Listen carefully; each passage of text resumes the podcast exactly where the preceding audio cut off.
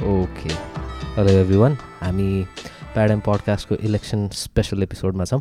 अनि this time we have the MVP Rashtra Bimochan तिमल सिन्हा अस सिसन दाईले हामीले किक आउट हानिदिइसक्यो अब हान्दी जान चलाउँछौँ पडकास्ट हाउ यु फिलिङ राष्ट्र दाई राम्रै फिल गरिरहेको छु। अलिक व्यस्त दिन थियो तर अब यस्तो दुईजना दिग्गज मान्छे अगाडि हुँदाखेरि होइन अब गफ इन्ट्रेस्टिङ नै होला भनेकोले मलाई चाहिँ लास्टमा त्यो इन्ट्रेस्टिङ कन्भर्सेसन जहिले पनि स्टिमुलेट गर्छ नि दिमाग। त्यो कारणले. गर्दा आई होप लाइक दामी कन्भर्सेसन हुन्छ जस्तो लाग्छ सो के हुन्छ? म सर भनिदिन्छु। हामीसँग दुईजना इलेक्सन क्यान्डिडेट्सहरू हुनुहुन्छ। म यहाँ तपाईँहरूको क्वेसन लिन्छु। हामी लाइभबाट पनि क्वेसनहरू लिइरहेछौँ। त्यसपछि राष्ट्र दाइले चाहिँ हिल लिड द कन्भर्सेसन हामी पनि गफ गरेर बिच बिचमा है त? सो इन्ट्रोड्युस गरौँ। राष्ट्र दाइले गरिदिनुहुन्छ एकचोटि। मैले इन्ट्रोड्युस इन्ट्रोडक्सन सुरु गर्न चाहिँ आफैले गर्दाखेरि बेस्ट हुन्छ। ठिक हुन्छ होला ल सुरु। गरिदिउँ सस्मितबाट सुरु गरौँ। ल हुन्छ। सुरुमा त राष्ट्र दाईलाई देख्दा क्या? Welcome to random Nepali channel भन्ने मात्र आइरहेको छ दिमागमा मेरो नाम सस्मित पोखरेल। म काठमाडौँ क्षेत्र नम्बर पाँच कको स्वतन्त्र उम्मेदवार चुनाव चिन्ह लालटिन यता देखिरहेछ होला। अब थोरै आफ्नो बारेमा भन्नुपर्दाखेरि म लास्ट एट इयर्सदेखि चाहिँ यो अल्टरनेटिभ पोलिटिक्स भनेर उज्जवल दाईले जुन सुरु गर्नुभयो त्यसमै लागिरहेको छु। अलिक बढी लागेको भने टु थाउजन्ड टुवेल्भको त्यो दोस्रो संविधान सभाको इलेक्सन भएको थियो नि। त्यसको बेला हो किनभने पहिलो संविधान सभाले दिन सकेन संविधान त्यो विघटन भयो सेकेन्ड संविधान सभा आयो। त्यसमा चाहिँ अलिकति युथ लिडरसिपको कुरा चाहिँ अगाडि सर्न थालेको थियो। त्यो बेला म बाहिर बस्थेँ म युएसमा थिएँ अनि क्लोजली फलो चाहिँ गरिरहेको थिएँ। त्यही बेला एकजना इन्स्टाग्राम बल्ल भर्खरै आएको थियो त्यति चल्दैन थियो। टु थाउजन्ड टुवेल्भमा अलिअलि आउनु थालेको थियो। मैले नेपाली प्रब्लम्स भन्ने एउटा पेज बनाएको थिएँ। त्यसमै मैले चाहिँ यङ पोलिटिसियनहरू को को छ उहाँहरूको प्रोफाइल बनाएर राखेको थिएँ। त्यसमा एकजना ऱ्यान्डम मान्छेले चाहिँ विवेकशील नेपाली भन्ने एउटा अभियान छ त्यो हेर भनेर कमेन्ट गरेको थियो। अनि त्यहीँबाट चाहिँ अब विवेकशील नेपाली के रहेछ भनेर हेर्दा हेर्दै पोलिटिक्समा चाहिँ अलिकति इन्ट्रेस्टेड भएँ। इन्ट्रेस्टेड त पहिले थिएँ राइट प्लेटफर्म खोजिरहेको थिएँ विवेकशील नेपाली पाएँ। त्यहाँबाट अलिकति पोलिटिकली एक्टिभ हुन थालेँ। म टु थाउजन्ड सिक्सटिनमा नेपाल फर्किसकेपछि त्यसपछि अब अझ बढी पोलिटिक्ससँग नजिक भएँ त्यतिखेर डाक्टर गोविन्द केसीको क्याम्पेनहरू चलिरहेको हुन्थ्यो त्यो अगाडि नै एकदमै लिड रोलमा बसेर त्यो गरिन्थ्यो।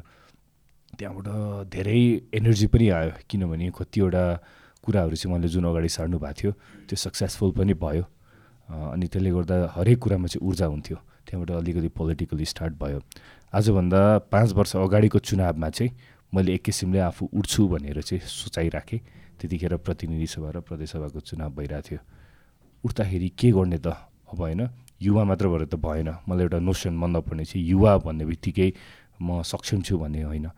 किनभने युवाको एनर्जी त हुन्छ होइन? भिजन पनि एक किसिमले देखेको हुन्छ किनभने नयाँ कुराहरू युवाहरूले देखाइ हुन्छ। तर एट द सेम टाइम कति कुरा बिगारिरहेको पनि त युवाहरूले छ नि त। अहिले त्रिभुवन युनिभर्सिटीको कतिवटा डिपार्टमेन्ट युवाहरूले बन्द गरिरहेछ कति वर्षदेखि बन्द छ? प्रोफेसरलाई कालो मुसो दोल्ने बेन्च भाँच्ने टायर बाल्ने ढुङ्गा हाल्ने सबै युवाले पनि गरिरहेछन्। सो युवा मात्र भएर भएन अलिकति फरक हुनु पऱ्यो म पाँच वर्षपछिको चुनावमा उठ्छु भने चाहिँ मैले के गर्ने त? म सांसद बन्दैछु म कानुन बनाउन जाँदैछु नीति बनाउन जाँदैछु भनेर चाहिँ ल पढ्नुपर्छ भनेर मैले सोचेँ। त्यसैले पनि मैले खासमा काठमाडौँ युनिभर्सिटी स्कुल अफ लमा फेरि बिजनेस र ल दुइटा हाम्रो डबल डिग्री बिजनेस र लमा हो। अब एउटा पार्लियामेन्टेरियन भएर गइसकेपछि हामी कुनै न कुनै बेलामा चाहिँ एक्जिक्युटिभ रोलमा पनि जान सक्छ। सो इकोनोमिक साइडको पनि केही न केही अन्डरस्ट्यान्डिङ हुनुपर्छ र म लेजिस्लेटिभ बडीमा गइरहेको हो सुरुमा त। कानुन निर्माण नीति निर्माणको बारेमा थोरै बुझ्या हुनुपर्छ भनेर मैले ल स्कुल जोइन गरेँ। पाँच वर्ष आफूलाई त्यसमा रेडी बनाएँ। त्यो पाँच वर्ष चाहिँ मैले एकजना सांसद प्रदेश सांसद विराज भक्त श्रेष्ठ विराज दाईको लिगल टिम पनि मैले लिड गर्थेँ। सो जति पनि बागमती प्रदेशमा चाहिँ कानुनहरू बनिरहन्थ्यो नीति निर्माण गर्ने संशोधन हाल्ने त्यो मैले गर्थेँ। मेरै लिडरसिपमा हुन्थ्यो। मैले अरू दस एघारजना चाहिँ लको स्टुडेन्टहरूलाई राखेको थिएँ। अनि हामीले चाहिँ अध्ययन गरेर त्यसमा के के चेन्ज गर्न सकिन्छ हेरेर संशोधन हाल्थ्यो। सो त्यो किसिमले चाहिँ मैले आफूलाई प्रिपेयर गरिरहेको थिएँ। र यो पालि चाहिँ क्यान्डिडेट्स दिने मैले चाहिँ पर्फेक्ट टाइम भेटेँ। मेरो ल स्कुल पनि सकियो। पाँच वर्ष त्यो बागमती प्रदेशको एउटा नीति निर्माणको कुरा पनि प्र्याक्टिस गऱ्यो र यो सबै कुरा भएको हुनाले चाहिँ अहिले मैले मेरो क्यान्डिडेसी दिएको छु। त्यति हो। तपाईँको? नमस्कार सबैजनालाई गुड इभिनिङ। म सुशान्त श्रेष्ठ काठमाडौँ क्षेत्र नम्बर पाँचको स्वतन्त्र उम्मेदवार र घन्टाघर चुनाव चिन्ह लिएर म उभिएको छु यसपालि। घन्टाघर कुन सेन्समा लियो भने मैले आफै चुज गरेको थिएँ थ्याङ्कफुल्ली कसै अरूले चुज गर्नु भएन नत्र स चाहिँ लास्ट लास्टमा नाम आउँथ्यो नि त त्यही भएर मैले पाउँदिनँ थिएँ है डर लाग्थ्यो तर अल्टिमेटली पाएँ। घन्टाघरको सुई हेर्नुहोस् करोडौँचोटि घुमेको हुन्छ होइन? तर हामी जहाँको त्यहीँ छौँ। हामीलाई परिवर्तन चाहिएको छ चेन्ज चाहिएको छ। त्यही देखाउनको लागि जसरी टाइम चेन्ज हुन्छ त्यसरी हामीलाई परिवर्तन आवश्यक छ परिवर्तन हुन जरुरी छ भन्नलाई मैले घन्टाघर लिएको छु। आफ्नो बारेमा भन्नुपर्दा म टु थाउजन्ड एन्ड सिक्सटी वानमा एसएलसी दिएँ। सानो पढाइ राम्रै थियो सानोदेखि। सानो अङ्कलले म बोर्ड टेन्थभित्र पढ्न सकिनँ त्यतिखेर। त्यस पछाडि सेन्ट जेभिस कलेजमा आइएससी गरेँ। अनि पुल्चोक इन्जिनियरिङ कलेजमा फुल स्कलरसिपमा नाम निस्क्यो इलेक्ट्रिकल इन्जिनियरिङमा। त्यही टाइममा जर्मनीमा पनि इलेक्ट्रिकल इन्जिनियरिङ र कम्प्युटर साइन्समा फुल स्कलरसिपमा नाम निस्क्यो। युरोप हाम्रो लागि आफैमा एउटा खुला किताब। पढाइका साथसाथै धेरै कुरा बुझ्न पाइन्छ भनेर म युरोप गएँ। अनि त्यहाँ पढ्दै गर्दा दसवटाभन्दा बढी देशहरू घुमेँ। अनि त्यहाँको कल्चरल सिटिजको बारेमा बुझेँ सिस्टमहरूको बारेमा बुझ्ने मौका पाएँ।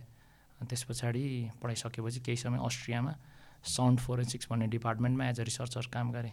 साउन्ड फोरेन्सिक्स कस्तो इन्ट्रेस्टिङ विधा यो चाहिँ कुनै क्राइम घटना कतै क्राइम सिन हुन्छ भने त्यो ठाउँमा मोबाइल बजिरहेको कारको आवाज आइरहेको अनि कुकुर भुकिरहेको त्यस्तो त्यस्तो सबै आवाजबाट एनालिसिस गरेर को क्रिमिनल हो को क्रिमिनल होइन भन्ने पत्ता लगाउने एउटा विधा।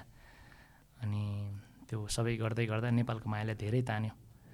जिरैबाट सुरु गर्नुपर्छ त। नेपालै जानुपर्छ भन्ने भयो। धेरै साथीसँग छलफल गरेँ। ब्याचमेन्टहरू एकदमै राम्रो राम्रो राम्रो ठाउँमा काम गर्थे। सबैजना सामूहिक रूपमा नेपाल जान सक्यो भने केही न केही चाहिँ हिट हानिन्छ है भन्ने थियो। सबैजनासँग कुरा गर्दा तथा पागल भइस क्या भन्ने होइन। अझ विशेष गरी घरमा रिलेटिभहरू फ्यामिली सर्कल सबैजनाले त बाउलाई त नाइज कुनै पनि हालतमा भन्नुभयो। तर होइन जिरोबाट सुरु गर्ने तर नेपालले गरेर सुरु गर्ने भन्ने हिसाबले म नेपाल आएँ। नेपाल आएँ। मलाई अझ पनि याद छ। तपाईँको एयरपोर्टबाट ठ्याक्क ट्याक्सी चढेर बाहिर आएको थियो। अन्धकार थियो। थाहा त थियो नेपालमा लोड सेडिङ छ भनेर। त त्यतिखेर दिमागमा हिट गर्यो। हो ठ्याक्क। आफ्नो एक्सपर्टिज यसमा प्रयोग गर्नुपर्छ भनेर। सोलर इनर्जीको फिल्डमा काम गर्ने मुड बनाएँ। अनि सोलर इनर्जीको फिल्डमा काम गर्दाखेरि नेपालका चालिसभन्दा बढी जिल्लाहरू घुम्ने मौका पाएँ। सो हरेक जिल्लाको आफ्नो समस्या हुने रहेछ मौलिक समस्या हुने रहेछ जिल्लाअनुसार त्यो बुझ्ने मौका पाएँ। एउटा काठमाडौँको नेवारको छोरो बाहिर गएर राम्ररी देश कस्तो रहेछ भन्ने चाहर्ने मौका पाएँ।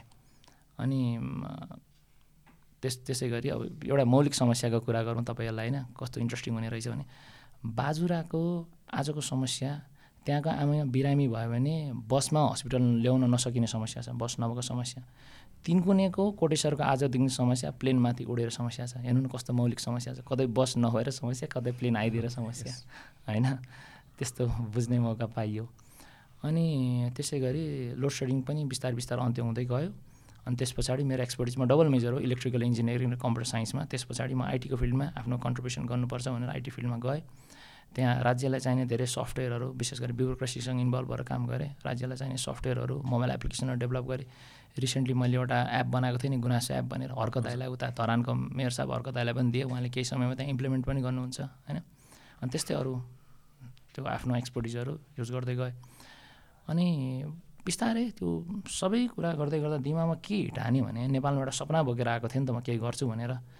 वास्तवमा नेपालमा हामीले केही कन्ट्रिब्युट गर्ने भने पोलिटिकल्ली चेन्ज नगरिकन केही गर्न सकिन्न है। कसैले पनि केही गर्न सक्छ नेपालको समस्या टेक्निकल होइन। हामीले त्यो बुझ्न जरुरी छ। त्यो मैले रियलाइज गरिसकेपछि अझ डिटेलमा ब्युरोक्रासी बुझ्न थालेँ। पोलिटिकल सर्कलमा आफ्नो साथीभाइहरूसँग इन्ट्रेक्सन गर्न थालेँ होइन। अनि बिस्तारै सबसँग इन्ट्रेक्सन गर्दै पोलिटिक्स पार्टीहरू कसरी चलेको छ के छ सबै बुझ्दै गर्दा मैले के रियलाइज गरेँ भने आजको दिनमा आजको पोलिटिकल पार्टीले चाहिँ देश देशलाई पार लगाउन सक्दैन है। कहिले पनि कुनै पनि एजेन्डामा कुनै पनि कुरामा हाम्रो नेपालको वस्तुस्थिति कस्तो छ त्यसपछि वास्तवमा युथहरूलाई कसरी इन्भल्भ गराउन सकिन्छ नेपालको फन्डामेन्टल निड के हो त्यो कहिले पनि डिस्कसनै नहुने रहेछ। खालि डिस्कसन के हुने रहेछ को मान्छेले कहाँ प्लेसमेन्ट गर्ने कहाँ ठेक्का कसलाई कसरी दिने अनि त्यसपछि आएर यो मान्छेले यस्तो भने यसलाई कसरी साइजमा ल्याउने हो त्यो बुझिसकेपछि होइन। अब त हानिनु भएर चेन्ज त गर्नु पऱ्यो कसबाट आफूबाटै सुरु गर्ने हो। त्यही भएर क्षेत्र नम्बर पाँचबाट मैले यसपालि स्वतन्त्र उम्मेदवारी दिएको छु। ओके। दुवैजनाको इन्ट्रेस्टिङ इन्ट्रेस्टिङ कहानी। त्यो फर्स्टमा चाहिँ मैले जुन सुने मलाई चाहिँ एउटा एकदम मन परेको डाइलग के लाग्यो भन्दाखेरि युथ हुँदैमा चाहिँ होइन खतरा हुनुपर्छ भन्ने छैन भन्ने कुरा के। अनि मेरो बिलिफ पनि त्यही नै हो। किन भन्दाखेरि म I been teaching for last ten years अब दस वर्ष हुन थाल्यो। होइन मैले दसवटा ब्याच लको चाहिँ विद्यार्थीहरू देखिसकेको छु। त्यो देख्दाखेरि युथै हुन् सबैजना। तर त्यहाँ कस्तो कस्तो मान्छे देखि कस्तो कस्तो मान्छे देखियो। हुन आफ्नै विद्यार्थी हुन् सबैलाई माया लाग्छ तर होइन? तर त्यहाँ पनि हामीले त चेन्ज देख्छौँ नि त। सो यो इलेक्सनको टाइममा मलाई बुझ्नु मन लाग्यो कि? मलाई चाहिँ मान्छेले त्यो बुढोलाई नरोजम यङलाई रोज रोजम भन्ने जुन ट्यागलाइन छ नि त्यो चाहिँ खासै मन पर्दैन कि? यङलाई रोजौँ भने किन रोजौँ? त्यो त्यो महत्त्वपूर्ण छ नि त। किन यङ आएर नि कुनामा गएर फुस्स बस्यो भने त के काम? नो युज राइट सो ल काठमाडौँको जनताले तपाईँलाई चुज गर्ने भए फर इक्जाम्पल इन्टरभ्यू जस्तै क्वेसन भयो एक्ज्याक्टली होइन? तर काठमाडौँको जनताले तपाईँको दुई तिनवटा पोलिसीहरू जुन चाहिँ हुन्छ नि तपाईँको पोलिसी लेभलमा के छ तपाईँले चाहिँ? के परिवर्तन तपाईँले भन्नुभयो यता कि तपाईँको पोलिटिक्समै प्रब्लम छ। के कोर प्रब्लम देखियो र त्यसलाई कसरी समाधान गर्न सकिन्छ? र तपाईँको पनि मैले हेरेको थिएँ यताउता हाम्रो करप्सनको कुराहरू लिएर आएर हेल्थ सिस्टमको कुराहरू लिएर आएर आउनुभएको छ। How will you manage that not कि यो प्रब्लम छ होइन कि त्यो प्रब्लमलाई कसरी सल्भ गर्ने आइडिया छ? अलिकति सुनौँ न। कोबाट? एनी वान तपाईँको? You can go head with ल म सुरु गरेँ है। हस्। मैले नेपालको सबभन्दा फन्डामेन्टल प्रब्लम कहाँ देखेँ भने नागरिक सक्रियतामा सिभिक कन्सियसनेस चेतनामा देखेँ होइन। हाम्रो गफ कहाँ हुन्छ? चिया पसलमा मात्र हुन्छ हो तर सम्बन्धित निकायपछि इन्ट्रेक्सन हुँदैन। राज्यमा बन्नलाई सबभन्दा आवश्यक भनेको नागरिक चेतना हो। त्यसको लागि नागरिक सक्रियता भन्ने मेरो प्राइम एजेन्डा छ। तपाईँहरू सबैजना भुक्तभोगी हुनुहुन्छ होला पक्कै पनि। निर्वाचित सांसद जित्छ पाँच वर्ष हराउँछ फेरि सांसद हुन्छ। फेरि पाँच वर्ष हराउँछ फेरि सांसद यो साइकल चलिरहेको छ धेरै समयदेखि। त्यो ब्रेक गर्नको लागि कम्तीमा क्षेत्र नम्बर पाँचमा चाहिँ म मोडल बनाउँछु। त्यसपछि अरूलाई इन्सपायर गर्छु अरूलाई प्रेसर डेभलप हुन्छ। त्यसको लागि मेरो क्षेत्र नम्बर पाँचमा टोटल एकतिसवटा बुथ छ। त डाइभर्सिटी वाइज बुथको पपुलेसन वाइज सबै वाइज राम भूगोल वाइज एनालिसिस गर्ने भने टोटल एकचालिसवटा समिति चाहिने रहेछ। म फोर्टी वानवटा कमिटी बनाउँछु। फोर्टी वानवटा कमिटी बनाइसकेपछि त्यो कमिटीमा लगभग त्यहाँको सबै पब्लिकहरूलाई इन्भल्भ गराउँछु। अनि एभ्री टूदेखि टु एन्ड हाफ मन्थ्सको इन्टरभलमा त्यहाँ डिस्कसन चलाउँछु। सो एभ्री समितिसँग दुई साढे दुई महिनाको इन्टर इन्टरभलमा मैले इन्ट्रेक्सन चलाउँदै गर्दा त्यहाँको समस्या बुझ्छु। फन्डामेन्टल समस्या बुझ्छु। समस्या बुझ्दै गर्दा म के कन्फिडेन्ट छु भने जुन लेभलको म्यान पावरहरू जुन लेभलको ह्युमन रिसोर्सहरू उहाँहरू हुनुहुन्छ नि उहाँहरू कुनै न कुनै हिसाबले एउटा एक्सपर्टिज छ उहाँहरूमा। एक्सपिरियन्स छ उहाँहरू। उहाँले सोलु समस्या पनि भन्नुहुन्छ उहाँहरूले त्यसको सोल्युसनको उपाय पनि सोल्युसन पनि दिनुहुन्छ। त्यसपछि बल्ल राज्य बन्छ जस्तो लाग्छ। सबभन्दा फन्डामेन्टल के कोर प्रब्लम चाहिँ त्यो हो जस्तो लाग्छ। अनि त्यो भन्दै गर्दा मैले चाहिँ एउटा एप पनि डेभलप गरेको छु गुनासो एप भनेर। यहाँ देखाउन मिल्छ। के छ कसरी है कसरी? हेर्न त मिल्दैन होला सायद। है एप स्टोरमा छ भने मेबी गुगल प्ले स्टोरमा छ कि छैन? होइन अब मैले चाहिँ धरानमा मेयर साहबलाई दिएँ काठमाडौँमा मेयर साहबलाई पनि चाँडै दिँदैछु। उहाँले आफ्नै हिसाबले अपलोड गर्नुहुन्छ। त्यो चाहिँ मैले अब अलिक गर्न मिल्दैन भनेर उहाँले त्यसमा कस्टमाइज गर्दै हुनुहुन्छ उहाँले गर्नुहुन्छ होइन? ओके। जस्तै यो एपमा हेर्नुहोस् होइन नागरिक सक्रियताको लागि नै हो म एउटा आइटी एक्सपर्ट हुँदै गर्दा यसलाई पनि युज गर्नु पऱ्यो मैले एक्सपर्टिज प्रयोग गर्नु पऱ्यो जस्तै यो युज नेम र पासवर्ड राखेपछि आयो ठ्याक्कै यहाँ कम्प्लेन सेक्सनमा आउँछ।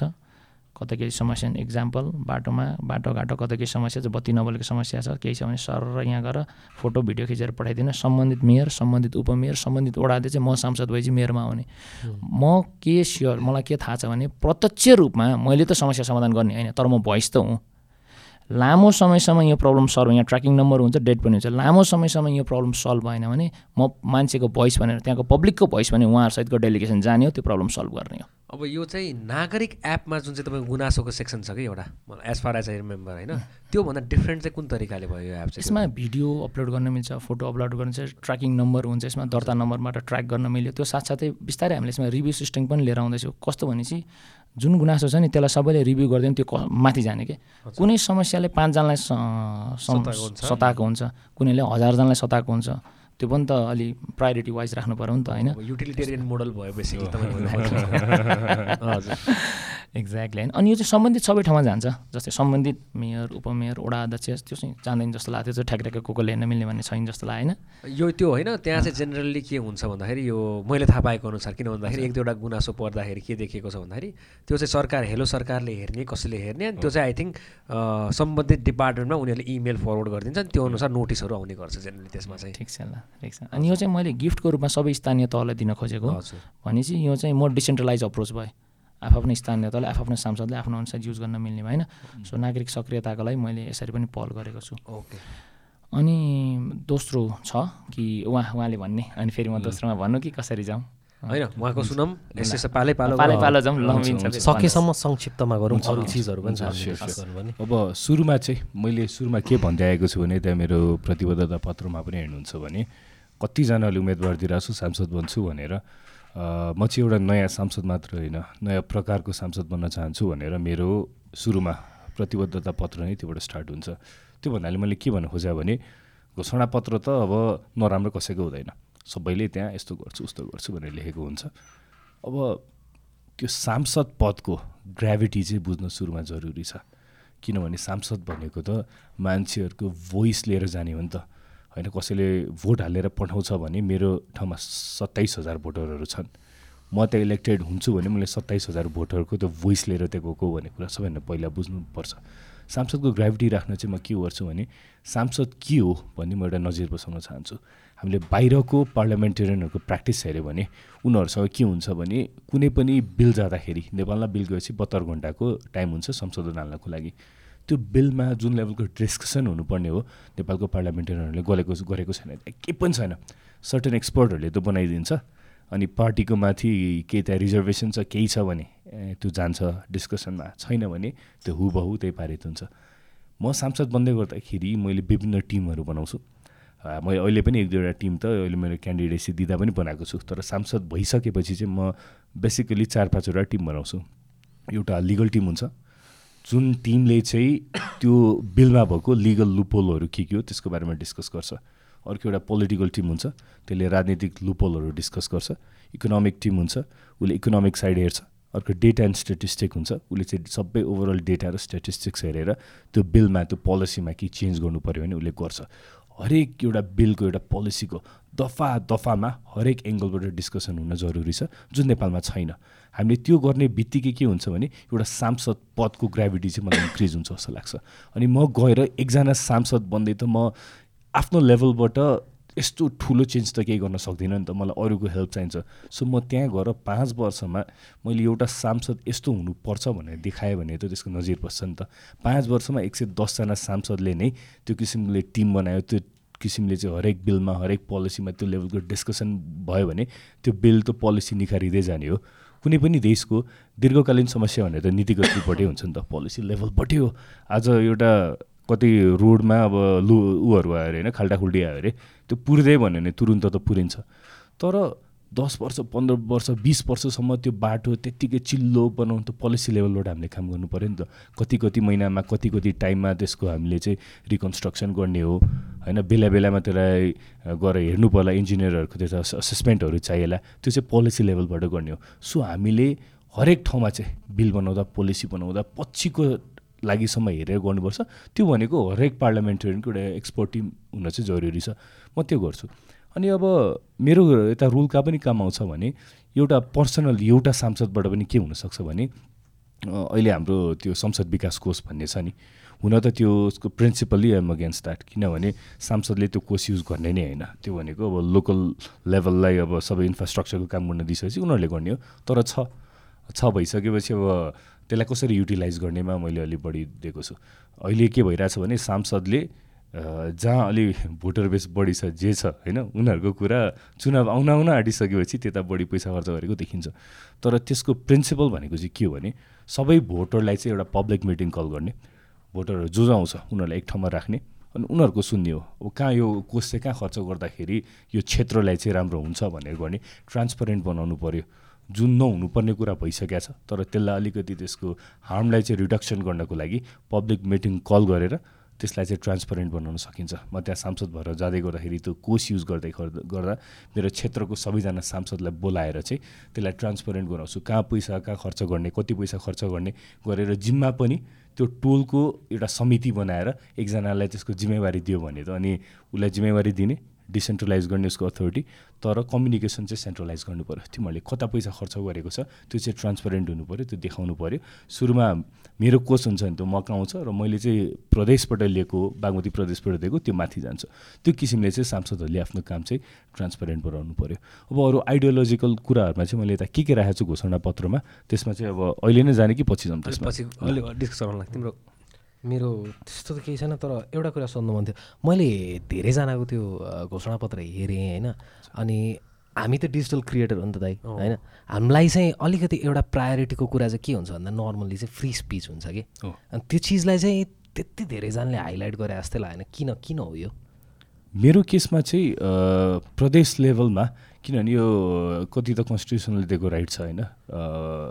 आर्टिकल सेभेन्टिनमा छ राइट अफ फ्रिडम अफ स्पिचहरू सबैको कुरा। त्यो चाहिँ अलिकति कन्स्टिट्युसनले नै गभर्न गरेको कुरा हुनाले चाहिँ मेरो क्षेत्र अधिकारमा चाहिँ अलिकति पर्दैन जस्तो लाग्छ मलाई। ओके आई थिङ्क यता यतापट्टि चाहिँ डाइभर्ट गरेँ मैले यो क्वेसनलाई चाहिँ। यो फ्रिडम अफ स्पिचको केसमा चाहिँ होइन जुन अघि मैले तपाईँलाई भने नि नागरिक सक्रियतामा त्यहाँ इन्ट्रेक्सन हुँदाखेरि नै मैले एड्रेस गरेँ जस्तो लाग्छ। किनभने आजको दिनमा त हजुरको इन्ट्रेक्सन नहुँदै गर्दा फ्रिली तपाईँले बोल्ने मौका पाएको हुँदैन होइन? फ्रिडम अफ स्पिच भन्न खोजेको त तपाईँले आफ्नो मेसेज कन्भे गर्ने भन्ने कुरो हो नि त। त्यसमा कसैले राइटको रूपमा राइट कटेल नगरोस् भन्ने कुरा हो नि त होइन? सो मैले सक्रियता गर्दै गर्दा मैले पब्लिकसँग डाइरेक्टली इन्भल्भ भएर काम गर्दै गर्दा उहाँहरूको स्पिचलाई त उहाँहरूको जुन मन्तव्य छ उहाँहरूको जुन भावना छ त्यसलाई त मैले कदर गर्ने भयो नि त।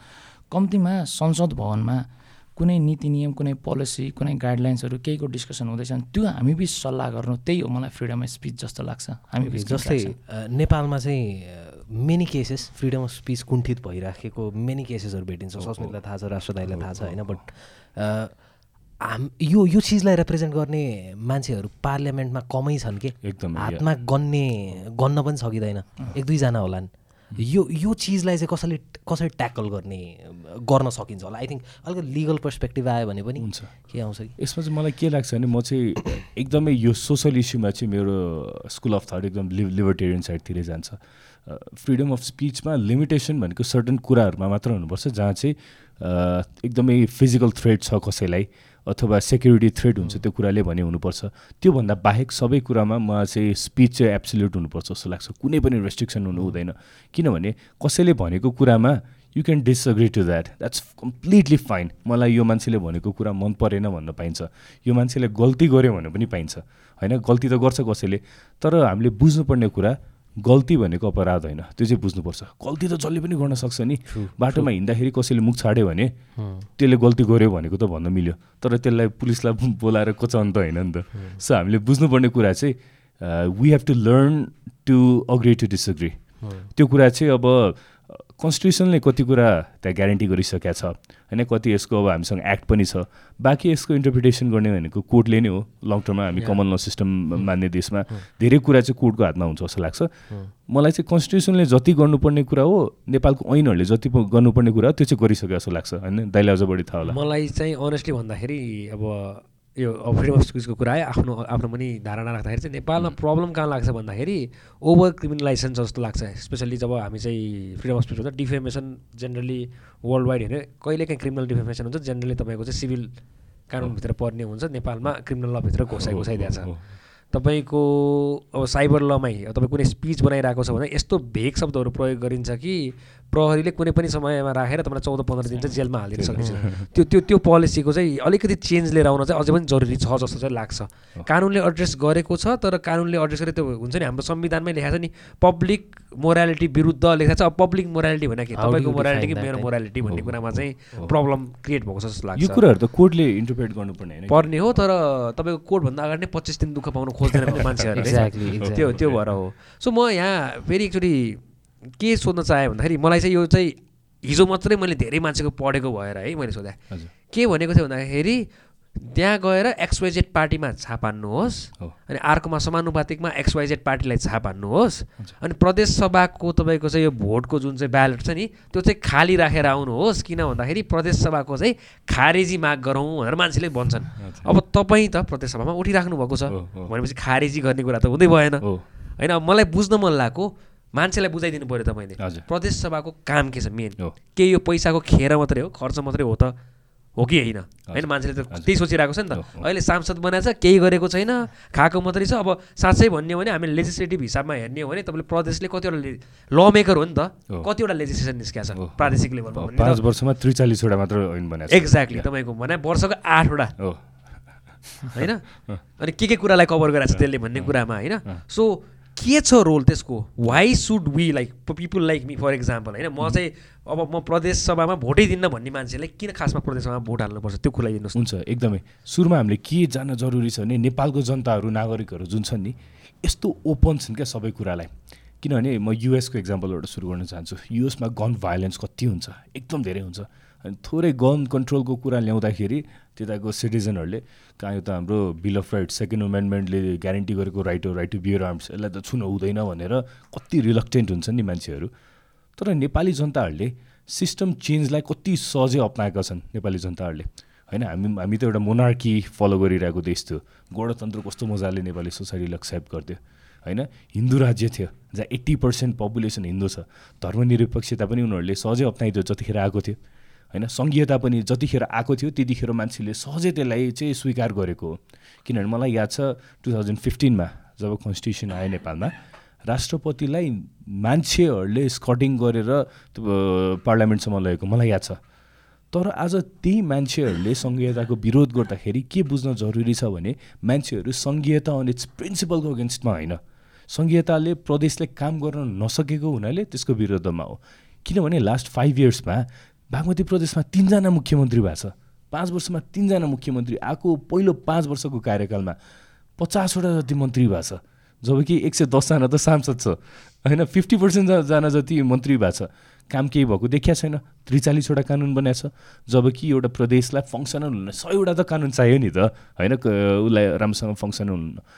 अब सिटिजनहरूले मजाले मन्त्रीहरू चेन्ज भएको देखाएको छ मुख्यमन्त्री तिनजना भएको देखेको छ तर त्यहाँबाट उनीहरूले रिटर्न केही पनि पाएको छैन। नपाइसकेपछि यो जनताको फ्रस्ट्रेसन भइरहेको यो कुरा हो। अब मान त्यहाँ जनताहरूकै आवाजमा है म चाहिँ घर घरमा जाँदाखेरि जनताहरूको इन्टरप्रिटेसन भनेको यो चाहिँ भर्ती केन्द्र भयो पार्टीहरूको भर्ती केन्द्र भयो भनेर यो लेभल अफ फ्रस्ट्रेसन आएको। यसलाई चाहिँ जुन पार्टीहरू अहिले प्रमुख तिन पार्टी छन् विशेष गरी र मधेसी दल जुन दलले चाहिँ सङ्घीयताको बारेमा एडभोकेट गरेर सङ्घीयता ल्यायो नि त्यो एडभोकेट गरेर सङ्घीयता ल्याएको दलहरू नै सङ्घीयताप्रति चाहिँ इमान्दार हुन नसकेर यो फ्रस्ट्रेसन आएको हो। अब यसलाई चेन्ज गर्ने भनेको दुईवटा विकल्प छ। सङ्घीयता खारेजी भनेको पनि एउटा अप्सन हो त्यसलाई राखिराखौँ। त्यसलाई हामीले कम्प्लिटली त्यसलाई टेबलबाट बाहिर राख्नु कुनै कुरालाई पनि हुँदैन। तर अहिले सङ्घीयता आइसकेको छ कन्स्टिट्युसनमा छ। एउटा सङ्घीयता भनेको एउटा शब्द हटाएर दुई अहिले त्यसले अमेन्ड गरेर जाने कुरा होइन।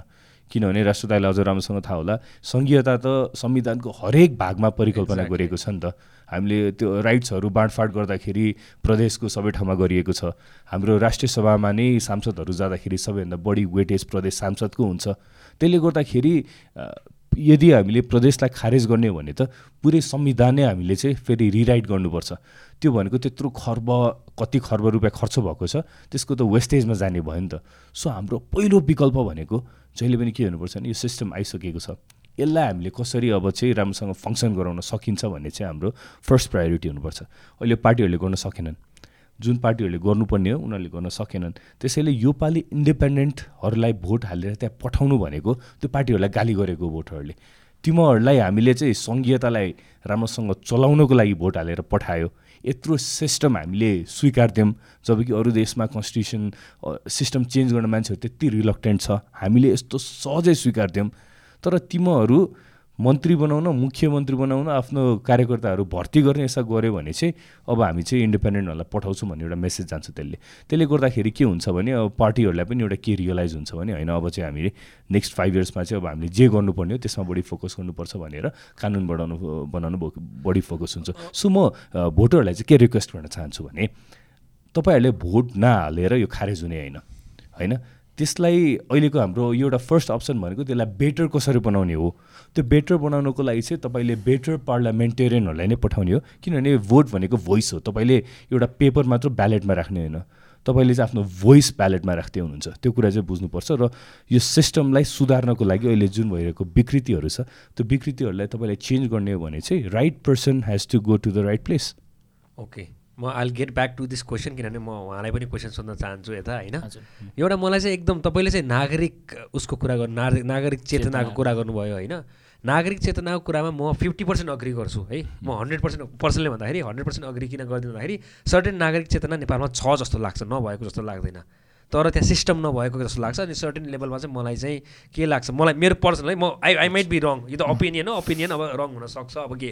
अब मैले भन्न खोजेको यो सिस्टम जुन छ नि मलाई चाहिँ मेजर लाग्ने चाहिँ हाम्रो पार्लियामेन्ट एमपिजहरूको हुन्छ नि अकाउन्टेबिलिटी चाहिँ जेरो छ क्या हाम्रो ब्युरोक्रेसी ब्युरोक्रेसी हेरौँ जुडिसियरी हेरौँ वा तपाईँको आएर तपाईँको लेजिस्लेटिभ हेरौँ मेम्बर्स अफ पार्लियामेन्ट।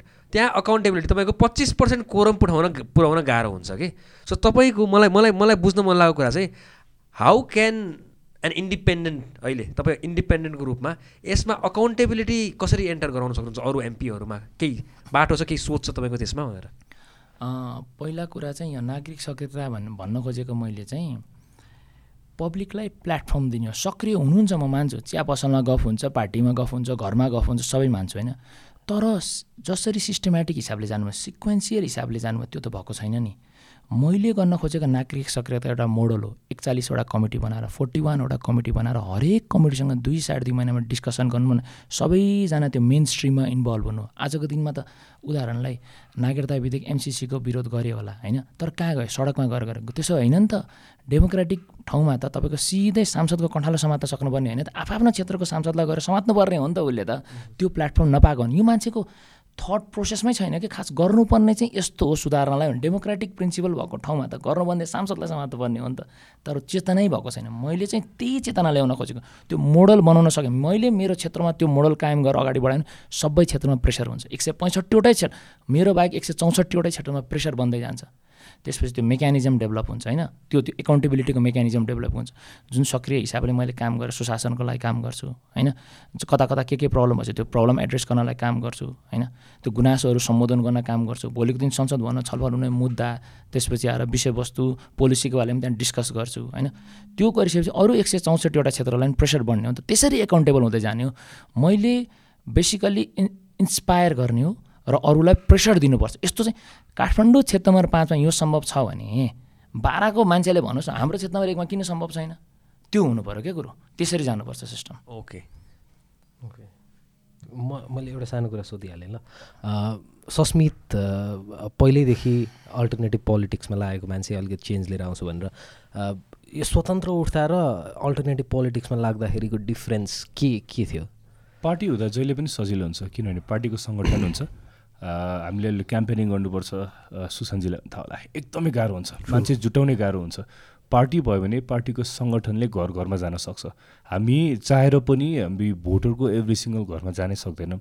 यो व्यवस्थामै पनि पार्टी भनेको आफू एकजना मात्र होइन नि त। पार्टी भनेको त पुरै सङ्गठन हुन्छ सङ्गठनको सपोर्ट आउँछ। त्यसले गर्दाखेरि सहज हुने भनेको चाहिँ पार्टी भइसकेपछि होल टिमकै सपोर्ट आउँछ। इन्डिपेन्डेन्ट भनेको आफैले बनाएको एउटा सानो सर्कलले चाहिँ सपोर्ट गर्छ। तर त्यो जुन लेभल अफ पार्टीको सपोर्ट हुन्छ त्यो चाहिँ हुँदैन। स्वतन्त्र स्वतन्त्रहरू मिल्न गाह्रो हो अलिकति। के हो? जस्तै एरिया नम्बर फाइभ नै हेर्ने हो भने सबैजना प्रमिसिङ क्यान्डिडेटहरू छ। ट्वेन्टी नाइन क्यान्डिडेट्स फोर्टिनजना स्वतन्त्र छन्। एक्ज्याक्टली है? Forty eight point five percent जस्तो हो त्यो भने अनि द्याट्स अ लट अनि सबैजना एभ्री वान्स एकदमै एकदम टप नच के? सबैजना कसलाई भोट हालौँ कसलाई भोट हालौँ। त्यस त्यस्तो अवस्थामा अलिकति भोट बाँडिने अवस्थाहरू आउँदैन के हो? मलाई चाहिँ त्यो लाग्दैन। हेर्नुहोस् तपाईँको मेयरको केसमा पनि काठमाडौँ महानगरपालिकाले कुरा गर्दा लगभग फिफ्टी सेभेन फिफ्टी सिक्सजना क्यान्डिडेट हुनुहुन्थ्यो। तर पन्ध्र सय दुई हजार नाग्ने त दुई तिनजना मात्र त हुनुहुन्थ्यो होइन? त्यही भएर पब्लिकले एनालिसिस चाहिँ गर्छ है। को आफ्नोलाई बेटर हो को आफ्नोलाई बेटर होइन भने। नत्र त त्यहाँ पनि त भोट बाँडिनु पर्ने हो नि त। खास बाँडियो त बाँडिएन नि त होइन? अब हाम्रै क्षेत्रमा कुरा गर्नु पर्दा पनि डेफिनेटली अब संवैधानिक अधिकारको कुरो सबैजना इच्छा गर्नुहुन्छ भने त्यहाँ दिनु पनि पर्छ। म के भन्छु भने पब्लिकलाई पनि रिक्वेस्ट गर्छु सबै क्यान्डिडेटलाई पार्टीको स्वतन्त्र सबै क्यान्डिडेट एनालिसिस गरौँ होइन यदि पार्टीसँग चित्त बुझ्दैन पार्टीलाई जिरो भोट गरौँ। त्यसरी जति seventy thousand nine hundred twenty nine voters हुनुहुन्छ नि उहाँले चाहिँ कम्प्लिटली चौधजनालाई मात्र कम्पेयर गरौँ। यदि पार्टी सिस्टम त फ्रस्ट्रेटेड हुनुहुन्छ भने पार्टी सिस्टम र उसलाई दुई भागमा डिभाइड नगरौँ एउटा पार्टी एउटा स्वतन्त्र भने नहुनु उसलाई जिरो बनाइदिउँ चौधजना अप्टिमिस्टिक पनि हुनु। हामी त वास्तवमा अप्टिमिस्टिक हुनुपर्छ यस्ता यस्ता क्यान्डिडेट आयो भनेपछि उनीहरू उनीहरू बिच कम्पिट गराएर जित्ने हो नि त उनीहरू बिच को बेटर छ भनेर जिताउने हो नि त। त्यही भएर मैले अप्टिमिस्टिकल्ली नै हेर्छु। यसमा म पनि एड गरेँ होइन। इन्डिपेन्डेन्ट भनेको त अब आफ्नो सबैको हरेक छुट्टा छुट्टै हुन्छ नि त आइडियोलोजी हामी त चारजना बस्यौँ भने त्यो पोलिटिकल कम्पास छ नि एउटा त्यो क्विज लिने। त्यो गरेर हाम्रो चारैजना डिफ्रेन्ट ठाउँमा प्लेस हुन्छ होला होइन। सो इन्डिपेन्डेन्ट भन्ने बित्तिकै आफ्नो युनिक सेट अफ आइडियोलोजी लिएर आउने हो। सो चारवटा इन्डिपेन्डेन्टलाई एकजना मात्र आउन त गाह्रो हुन्छ। किनभने राइट विङ पनि हुनसक्छ लेफ्ट विङ पनि हुनसक्छ। उस आफ्नै कन्सायन्सको कुरा हो। र उहाँले भनेको जसरी नै पार्टीहरू पनि त कति पार्टी भर्सेस इन्डिपेन्डेन्ट त। पार्टी पनि पाँच छवटा छुट्टा छुट्टै पार्टी छ नि त। एउटै भएर किन नआएको भने जस्तो इन्डिपेन्डेन्टलाई एउटै भएर किन नआएको भने जस्तो। अनि अझ मेरोमा त प्रदेशमा चाहिँ थ्याङ्कफुल्ली म एकजना मात्र इन्डिपेन्डेन्ट क्यान्डिडेट छु। किन एकजना बाघी हुनुहुन्छ जो पहिला एमालेमा हुनुहुन्थ्यो। पहिलाको हाम्रो वडा अध्यक्ष। उहाँले टिकट पाउनु भएन र उहाँले चाहिँ एमालेमा हुँदाहुँदै चाहिँ त्यहाँ अर्को स्वतन्त्रबाट उम्मेदवारी दिनुभयो। अर्को भनेको पार्टीले नेपालमा चाहिँ डमी क्यान्डिडेटहरू धेरै उठाउने गर्छ। त्यो इलेक्सनको लागि उनीहरू पास चाहिन्छ के के चाहिन्छ त्यसको लागि तिन चारजना डमी क्यान्डिडेटहरू हुनुहुन्छ। तर एक्चुअली क्याम्पेनिङ गरिरहेको इन्डिपेन्डेन्ट क्यान्डिडेट चाहिँ म मात्र छु। प्रदेशमा पाँच कमा। ओके। पोलिटिकल स्पेक्ट्रमकै कुरा आयो। कस्तो खालको पोलिटिक्स गर्न खोजिरहनु भएको छ तपाईँहरू दुवैजनाले? मेरो एजेन्डा भने चाहिँ क्लियर छ। म सोसियली चाहिँ लिबरल इकोनोमिकल्ली हेरेर हुन्छ। अब नेपाल जस्तो सोसाइटीमा चाहिँ के हुन्छ भने हामीलाई जे जस्तो भने वेलफेयर चाहिन्छ। किनभने गरिब मान्छेहरू एकदमै धेरै छन्। त्यसले गर्दाखेरि एजुकेसन चारवटा कुरा जुनमा चाहिँ गभर्मेन्टको रेगुलेसन हुनुपर्छ। हेल्थ एजुकेसन पब्लिक ट्रान्सपोर्टेसन र सोसल सेक्युरिटी यो चारवटा कुरामा चाहिँ हुनुपर्छ। योभन्दा बाहेक चाहिँ गभर्मेन्टको रोल भनेको कोर्डिनेट कोर्डिनेट गर्ने मात्र हुनुपर्छ। सो मेरो आइडियोलोजी भन्ने हो भने चाहिँ कोअर्डिनेटेड मार्केट इकोनोमी भन्छु म इकोनोमिक साइडमा सोसल साइडमा चाहिँ फुल्ली इन्डिपेन्डेन्ट सरकारले त त यस्तो गर त यस्तो नगर भनेर कसैलाई भन्नुहुन्छ जस्तो मलाई लाग्दैन। त्यो लिबरल छोडिदिनुपर्छ र इकोनोमिक साइडमा चाहिँ चारवटा ठाउँमा गभर्मेन्टको फुल रेगुलेसन योभन्दा बाहेक अरू ठाउँमा कोअर्डिनेटेड रोलमा हुनुपर्छ जस्तो लाग्छ। मलाई चाहिँ मिडल लेफ्ट हुनुपर्छ जस्तो लाग्छ सोसल डेमोक्रेटिक मोडलमा हुनुपर्छ जस्तो लाग्छ। मिक्स सिस्टम जस्तै ट्रान्सपोर्ट उदाहरणलाई म जर्मनी पढेको कारणले गर्दा जर्मनीको उदाहरण दिएँ होइन। जस्तै ट्रान्सपोर्टेसन हेर्नु पऱ्यो उहाँले होइन। म्याक्सिमम् गभर्मेन्ट मोडलमा छ। केही केही चाहिँ प्राइभेट सेक्टरलाई पनि छोडिदिएको छ होइन? सबै फिल्डमा चाहिँ त्यसरी गर्ने तपाईँको एजुकेसन सिस्टममा पनि म्याक्सिमम् गभर्मेन्ट कति पर्सेन्टेज वेटेज चाहिँ त्यो अब विज्ञहरूसँग छलफल गरेर डिसाइड गर्ने कुरो रह्यो होइन? म्याक्सिमम् एजुकेसन गभर्मेन्ट साइडले हेर्नु पऱ्यो सर्टेन पर्सेन्ट प्राइभेट सेक्टरले हेर्नु पऱ्यो। इलेक्ट्रिसिटी पनि त्यस्तो हुनुपर्छ। जुन जुन फन्डामेन्टली नेसेसरी कुरा हुन्छ नि त्यसमा चाहिँ त्यसरी नै जानुपर्छ र स्ट्रङ मोनिटरिङ हुनुपर्छ राज्यको। नत्र चाहिँ रा नत्र राज्य चाहिँ कर्पोरेटले चलाउँछ। राज्यभन्दा कर्पोरेसन पावरफुल भने चाहिँ देश ध्वस्त हुन्छ है। ओके मैले अर्को कुरा सोधेँ ल। शिक्षामा तपाईँको एजेन्डामा कक्षा बाह्रसम्म नि शुल्क गुणस्तरीय शिक्षा यसको यसको लागि चाहिँ के छ तपाईँको? केही एक्सन प्लान केही छ? मलाई चाहिँ यस्तो लाग्छ पहिला त बजेट व्यवस्थापनको कुरा हुन्छ हेर्नुहोस् यो कुरामा होइन? मलाई के लाग्छ भने नेपालको बजेट कहाँ खर्च भइरहेछ हजुरहरूले याद गर्नुभएको छ? नेपाल होइन त्यो पनि नेपाल उदाहरणलाई झापामा तपाईँको भ्यू टावर बनाउन करोडौँ रुपियाँ खर्च भइरहेछ हो। दुर्गम एरियामा म धेरै दुर्गम एरिया घुमेँ होइन। कतिजना प्रिन्सिपलको कार्यकक्ष प्रधानमन्त्री कार्यालय जस्तो छ त्यहाँ खर्च भइरहेछ बजेट। गण्डकी प्रदेशमा याद गर्नुभएको छ एक ठाउँमा पुल थियो वरिपरि बाटो छैन होइन? म्याक्सिमम् ठाउँमा एउटा वडा सरी एउटा नगरपालिका एउटा वडा एउटा हेल्थ प्रोजेक्ट भनेको चाहिँ कति ठाउँमा त्यो हेल्थ तपाईँको त्यो हस्पिटल जस्तो सानसानो सेन्टरहरू हुन्छ नि तिनीहरू खण्डर भएर बसेको छ। त्यो बजेटको मिसयुज हो। त्यो बजेटलाई कहाँ लगानी गर्ने त? फन्डामेन्टली चाहिने कुरा के हो? हेल्थ र एजुकेसन होइन त? हामीसँग वास्तवमा पैसा नभएको कारणले गर्दा हामीले गर्न नसकेको होइन नि? बजेटको मिसम्यानेजमेन्टको कारणले गर्दा गर्न नसकेको हो। त्यो सबै बजेटहरू राम्ररी मिलाउन सक्यो भने चाहिँ गर्न सकिन्छ है राज्य। शिक्षा फ्री शिक्षा पहिलो कुरा त बजेटको कुरा होइन? बजेटलाई म त्यसरी व्यवस्थापन गर्छु। अनि त्यसपछि आएर फ्री शिक्षाको कुरा गर्नुहुन्छ भने अर्को कस्तो मलाई चाहिँ के लाग्छ भने नेपालमा होइन? पहिला चाहिँ म आइटीको स्टुडेन्ट भएको कारणले गर्दा पनि होइन? नेपालमा भएभर जतिको सबै स्कुलको दस कक्षासम्म मानौँ होइन? ट्याक्क तपाईँको डेटाबेस बनाउनु अहिलेसम्म केही पनि छैन। कसरी बनाउनुपर्छ? सबै प्यारामिटर एनालिसिस गरेर कतिवटा स्कुल छ? हरेक स्कुलमा कतिवटा विद्यार्थी छ? हरेक स्कुलमा कतिवटा टिचर छ? कतिवटा स्कुलहरू तपाईँले याद गर्नुभएको छ दुर्गम दुर्गामा? पचासवटा विद्यार्थी छ भने बिसवटा टिचर हुन्छ। त्यो त मर्ज गर्नु पऱ्यो नि त। त्यो मर्ज गर्ने बित्तिकै तपाईँ के हुन्छ? बजेट त्यहाँ पनि बच्छ होइन? अनि त्यो मर्ज गर्ने क्राइटेरिया पनि पऱ्यो जस्तै एउटा गाउँपालिकामा दुई किलोमिटर तिन किलोमिटरको डिस्टेन्समा त्यो सर्टेन रेडियसमा तपाईँको चार पाँचवटा स्कुल हुन्छ त्यो त सबै मर्ज पऱ्यो नि त होइन र। हो त्यस्तो पनि बजेट चाहिँ व्यवस्थापन हुनसक्छ हो त्यस्तो सबै कुरा एनालिसिस गरेर होइन अन्नेसरी ठाउँको कस्ट सबै कटाउनु पऱ्यो अनि त्यो स्कुल स्कुल पनि जे जे छ नि त्यहाँ त्यो सबै कुरा त्यो भित्रको पनि मर्ज गरेर हुन्छ कि अथवा टिचर रेस स्टुडेन्ट रेसियो सबै मिलाएर हुन्छ कि होइन। खर्च केमा भएर चाहिँ बिल्डिङमा खर्च हुन्छ कति ठाउँमा होइन? तपाईँको इन्फ्रास्ट्रक्चरमा खर्च जहाँ चाहिँदै चाहिँदैन। हो त्यो मिसम्यानेजमेन्टलाई रोकियो भने सबै सम्भव छ। ओके म अब यसमा चाहिँ म म पनि अलिक बुझ्न चाहेको कुरा मात्रै है। अब ऊ भन्दा पनि क्वेसनिङ भन्दा पनि।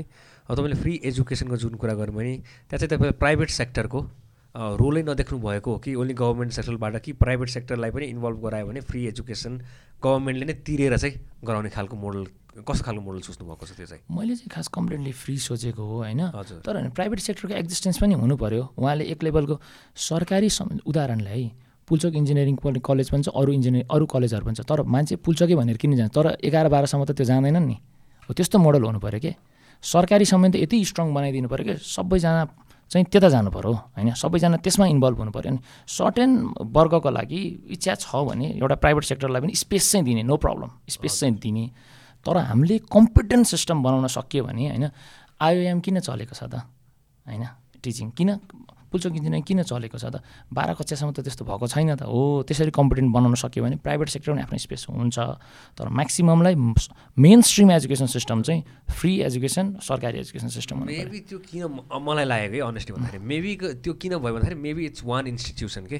And it's easy to handle one institution सरकारी रूपमा तपाईँले अब when we talk about big government small गभर्मेन्टको कुरा गर्दाखेरि होइन सरकारलाई ह्यान्डल गर्न त तपाईँको आइओएम आइओई भनेर त एउटा अर्गनाइजेसन हो त्यस्ता सरकारी कति धेरै छन् तर आइओएममै किन जान्छन् अरूमा त जाँदैन नि त फेरि अरू त फेरि प्राइभेट खोज्दै जान्छन् त्यसलाई पनि त म्यानेज गर्न सक्छ बजेट बजेटरी हिसाबमा तपाईँको केही भिजन छ ठ्याक्कै यति छ केही छ भन्ने खालको हिसाबमा ठ्याक्कै बजेटको हिसाबले चाहिँ मैले क्यालकुलेट गरेको छैन होइन तर त्यो त्यो रकेट साइन्स छैन कि? तपाईँको सबै बजेटहरू अन्नेसरी ठाउँको बजेटहरू कट कट गर्दै ल्याउन सकियो भने नि यसमा व्यवस्थापन गर्न नसकिने कुरै छैन। मलाई यो क्वेसन धेरैजनाले उठाउनु भएको थियो अनेस्टली भन्छु होइन। यो घोषणापत्र पढ्दै गर्दा घर घरमा उठाउनु सम्भव छ कि छैन भन्नुभएको थियो। अन्नेसरी ठाउँको बजेट कट गरेर लिएर आयो भने अब मेन त नेपालको सबभन्दा ठुलो प्रब्लम के डेटाबेस छैन। मसँग डेटाबेस भए म तपाईँलाई कम्प्लिट पिक्चर दिइदिन्थेँ तर ठ्याक्राक्क उदाहरणलाई रुरु गाउँपालिकामा कतिवटा स्कुल छ? होइन? ठ्याक्क हुनु पऱ्यो नि त त्यो कुनमा कति विद्यार्थी के छ त्यो पायो भने चाहिँ म गर्न सक्छु। त्यो पायो भने बढीमा डेढ महिना दुई महिनामा विज्ञहरूसँग छलफल गरेर सजिलै गर्न। त्यो डेटाबेसै छैन क्या त्यो भयो भने चाहिँ गर्न सकिन्छ। नेपालको मेजर प्रब्लम त्यो कुनै पनि एरियामा. रिसर्च भन्ने कुरा त कलेजमा नि सिकाइँदैन क्या कहीँ पनि सिकाइँदैन। ल कलेज भन्यो सबै प्लेजराइज हुन्छ डकुमेन्ट्सहरू होइन? त्यस्तो खालको लेभलको ऊ छ। डेटा कलेक्सन र डेटा ड्रिभन तपाईँको कुनै लिटरली कुनै पनि कुरा छैन। अब म पार्टीहरूको नाम लिन चाहन्न अभियसली तर हुन्छ नि तपाईँको चाहिँ ठुल्ठुला सपना बनाइदिने अब काठमाडौँमा चाहिँ तपाईँको अन्डरग्राउन्ड रेल चाहिँ पाँच वर्षमा बनाइदिन्छु भनेर भनिदिने होइन? अनि मान्छेको तपाईँको दस हजार डलर चाहिँ तपाईँको चाहिँ आय पुऱ्याइदिन्छु त्यो हुन्छ नि। हिस्ट्रीमा कहीँ पनि संसारमा नदेखिएको डेभलपमेन्ट चाहिँ नेपालमा एकैचोटि हावाबाट निकालिदिन्छु भन्ने खालको घोषणापत्र भन्दा तपाईँको यो ठिक छ होइन? तर यो पनि किन छ भनेर बुझ्न मात्रै खोजेको मैले चाहिँ यो। एक्ज्याक्टली अब क्वेसनतिर लाग्ने हो। क्वेसनतिर लाग्नु अलिकति। के को मान्छेहरू के को क्वेसन आएको छ त्यो हेरौँ अनि त्यसपछि कन्टिन्यू गरौँ न त्यसमा सस्मितलाई एउटा क्वेसन आएको छ है। If you get elected as our representative what would be the first agenda or plan you gonna keep up in the parliamentary कस्तो राम्रो क्वेसन भने मैले सोचेको पनि थियो। म यदि इलेक्टेड भयो भने म फर्स्ट सेभेन डेज के गर्छु होला भनेर मैले सोचि पनि रहेको थिएँ। हिजो हाम्रो टिमसँग डिस्कस पनि गरेको थिएँ। इलेक्टेड हुने बित्तिकै पहिलो कुरा त जति पनि अहिले हामीले असेस गर्नुभएको छ सबैजनालाई बोलाएर सुनमा थ्याङ्क यू भनेर उहाँहरूको भ्यू लिने हो। म के गरौँ फर्स्ट स्टेप के हुन्छ भनेर। तर मेरो मैले तिन चारवटा कुरा चाहिँ प्रायोरिटीमा जुन जुन छ त्यसलाई लिस्ट आउट गरेको छु नम्बर वान भनेको एजुकेसन नै हो मेरो लागि। किनभने मैले बागमती प्रदेशमा मैले भने जुन सांसदको लिगल टिममा म लिड गर्थेँ त्यो गरेर आएको बेला हामीले उच्च शिक्षा सम्बन्धी ऐनमा हामीले काम गर्न पाएको थियो। बागमतीमा उच्च शिक्षा सम्बन्धी ऐन रेडी भइसक्यो। त्यसमा हामीले स्टेक होल्डर्सहरूलाई पनि बोलाएर सर्टेन कलेजहरूको जो जसले चाहिँ कलेज राम्रोसँग चलाइराख्नु भएको छ उहाँहरूलाई बोलाएर हामीले के के संशोधनहरू हाल्न मिल्छ त्यो हामीले डिस्कस गरेर हामीले तिस पैँतिसवटा त्यहाँ संशोधनको प्रपोज पनि गरेको थियो र त्यतिमध्ये कति संशोधन पारित पनि भयो। सो हामीले चाहिँ एउटा उच्च शिक्षा सम्बन्धी ऐन बागमती प्रदेशबाट हामीले पारित गऱ्यो। त्यसलाई एजुकेसनमा लाने अहिले पार्ट हो सो मैले प्रोभिन्सियल युनिभर्सिटी भनिरहेको छु। त्यो प्रोभिन्सियल युनिभर्सिटी बनाउनको लागि चाहिँ फर्स्ट स्टेप भनेको कुनै आयोग बन्न सक्ला कुनै समिति बन्न सक्ला त्यसको लागि पुस गर्ने हो मैले। किनभने मलाई यस्तो एउटा प्रादेशिक युनिभर्सिटीको बारेमा मैले चाहिँ इमेजिन गरेको छु। नेपालमा अहिले कुनै पनि युनिभर्सिटी युनिभर्सिटी नै छैन। होइन हामी विदेश गएको छौँ कतिजना। त्यो विदेशमा युनिभर्सिटीको लेभल कस्तो छ र नेपालमा कस्तो छ हेर्दाखेरि त कम्पेयर हुन सक्दैन। नेपालको सबैभन्दा ठुलो युनिभर्सिटी त्रिभुवन युनिभर्सिटी त्यताको लेभल अफ एजुकेसन हामीले देखेको छौँ होइन? नेपालको अधिकांश स्टुडेन्टहरू पढ्ने भनेको एउटा युनिभर्सिटीसँग अफिलिएसन लिएको एउटा कलेजमा गएर पढ्छन्। र यस्तो कलेजले कहिले पनि युनिभर्सिटी लेभलको स्टुडेन्टलाई जुन इन्फ्रास्ट्रक्चर हुनुपर्छ जुन रिसोर्सेस हुनसक्छ त्यो प्रोभाइड गर्न सक्दैन। सो यस्तो एउटा युनिभर्सिटी बनाउनु पऱ्यो जुन चाहिँ एक्चुअली युनिभर्सिटी नै होस् एउटा नमुना विश्वविद्यालय स्कुल अफ इन्जिनियरिङको लागि स्कुलमै त्यो टर्बाइन बनाउने एउटा टर्बाइनबाट एनर्जी कसरी जेनेरेट हुन्छ त्यो बनाउन सक्ने एउटा इन्भाइरोमेन्ट होस्। स्कुल अफ साइन्सलाई त्यस्तै ल्याबहरू होस्। हाम्रो म काठमाडौँ युनिभर्सिटी स्कुल अफ लमा पढ्छु पढ्थेँ। त्यो बेला एउटा प्रोफेसर हुनुहुन्थ्यो। उहाँले चाहिँ के भन्नुभएको थियो भने बाहिर देशहरूमा चाहिँ एनर्जी ल पढ्ने स्टुडेन्टमा लाई चाहिँ स्कुल अफ लमा ओइल र ग्यासको ल्याब हुन्छ भन्नुभयो। कस्तो अचम्म लाग्यो क्या। स्कुल अफ लको स्टुडेन्टलाई त्यस्तो एक्सेस छ। नेपालमा त म स्कुल अफ लमा पढिरहेको छु। तिन चार वर्ष अगाडिको रिसर्च पेपर त्यो फ्री भइसकेपछि बल्ल हामीले पढ्न पाउँछौँ भन्दै। त्यो छ। बल्ल बल्ल एउटा मुडकोड बनाइदिया हुन्छ।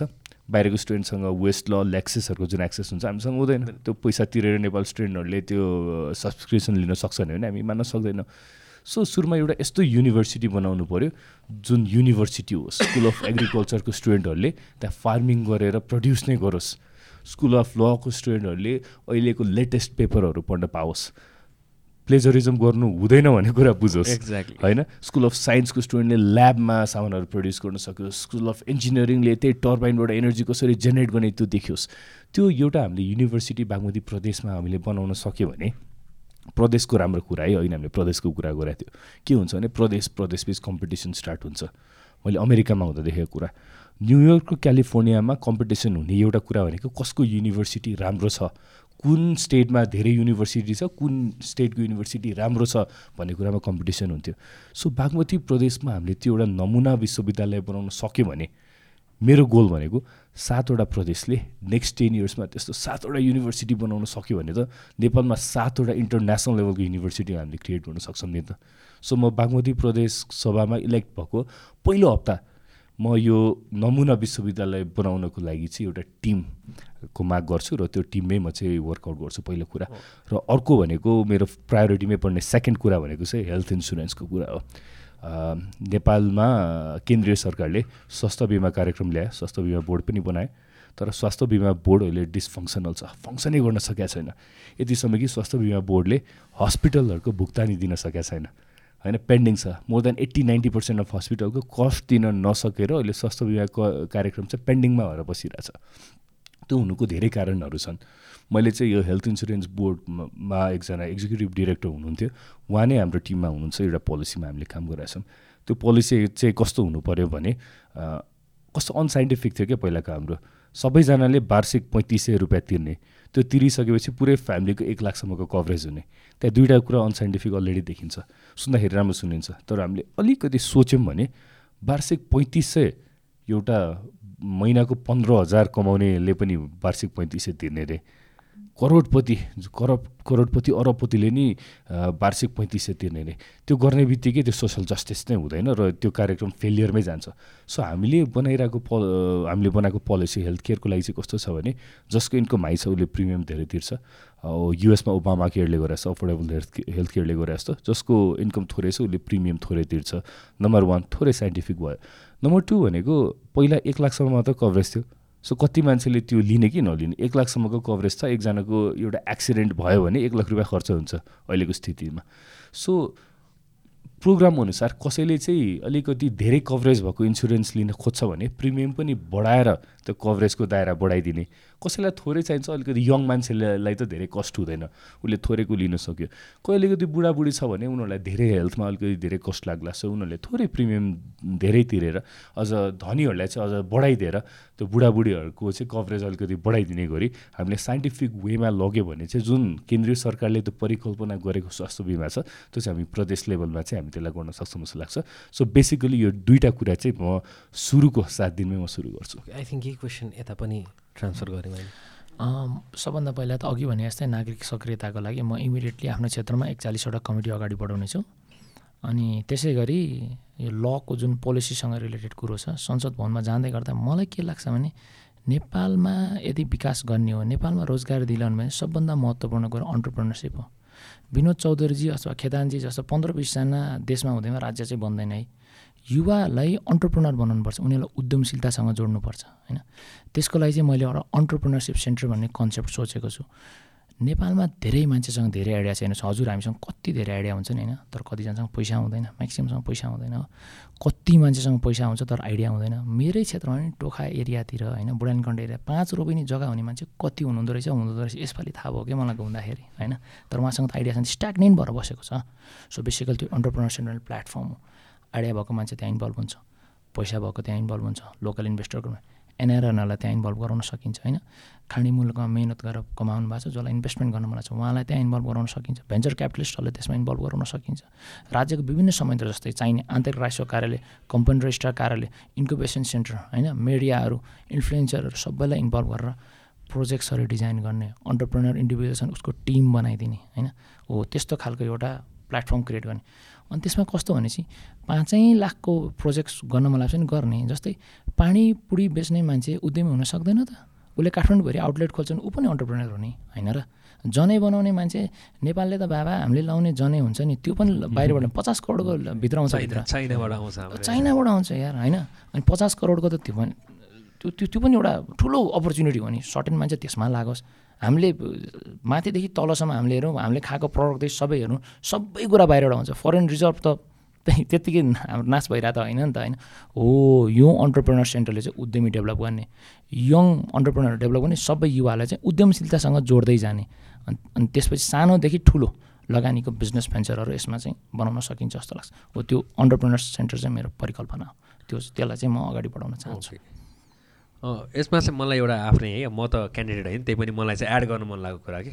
स्पेसली नेपालमा चाहिँ मैले के देखाएको छु भन्दाखेरि स्पेसली इन्टेलेक्चुअल प्रपर्टी अन्टरप्रोनर भनेपछि त्यहाँ इन्टेलेक्चुअल प्रपर्टी अटोमेटिकली जोडिन्छ कि। अनि हामी जान्छौँ अब डिओवाईको स्थिति को को जानुपर्छ मलाई थाहा छैन होइन। डिओवाई डिपार्टमेन्ट अफ इन्डस्ट्री जानुभयो भने के देख्नुहुन्छ भन्दाखेरि त्यहाँ पकेटमा पैसा नलैकन तपाईँको काम हुनेवाला छैन। त्यस्तो हालतमा हाम्रो बसि बसिरहेको छ। ओसिआर। होइन ओसिआर। तपाईँ कम्पनी रेजिस्टर गर्न जानुभयो भने पैसा बिना तपाईँको कम्पनीको नाम पनि नमान्ने स्थितिमा आइसकेको छ। अब मैले कसैको नाम ल्याएको चाहिँ डिफेमेसन हाल्न पाइएन त्यही पनि हुन त हो। एभ्री वान नोस् है everyone it's open secret क्या त्यो त्यो हिसाबमा छ। आर्ट्स रियालिटी अब मलाई चाहिँ के लाग्छ भन्दाखेरि नेपालमा के one of the major problem नेपालमा लाग्ने चाहिँ के लाग्छ भन्दाखेरि हामी नेपालमा सपना चाहिँ बाटो होइन?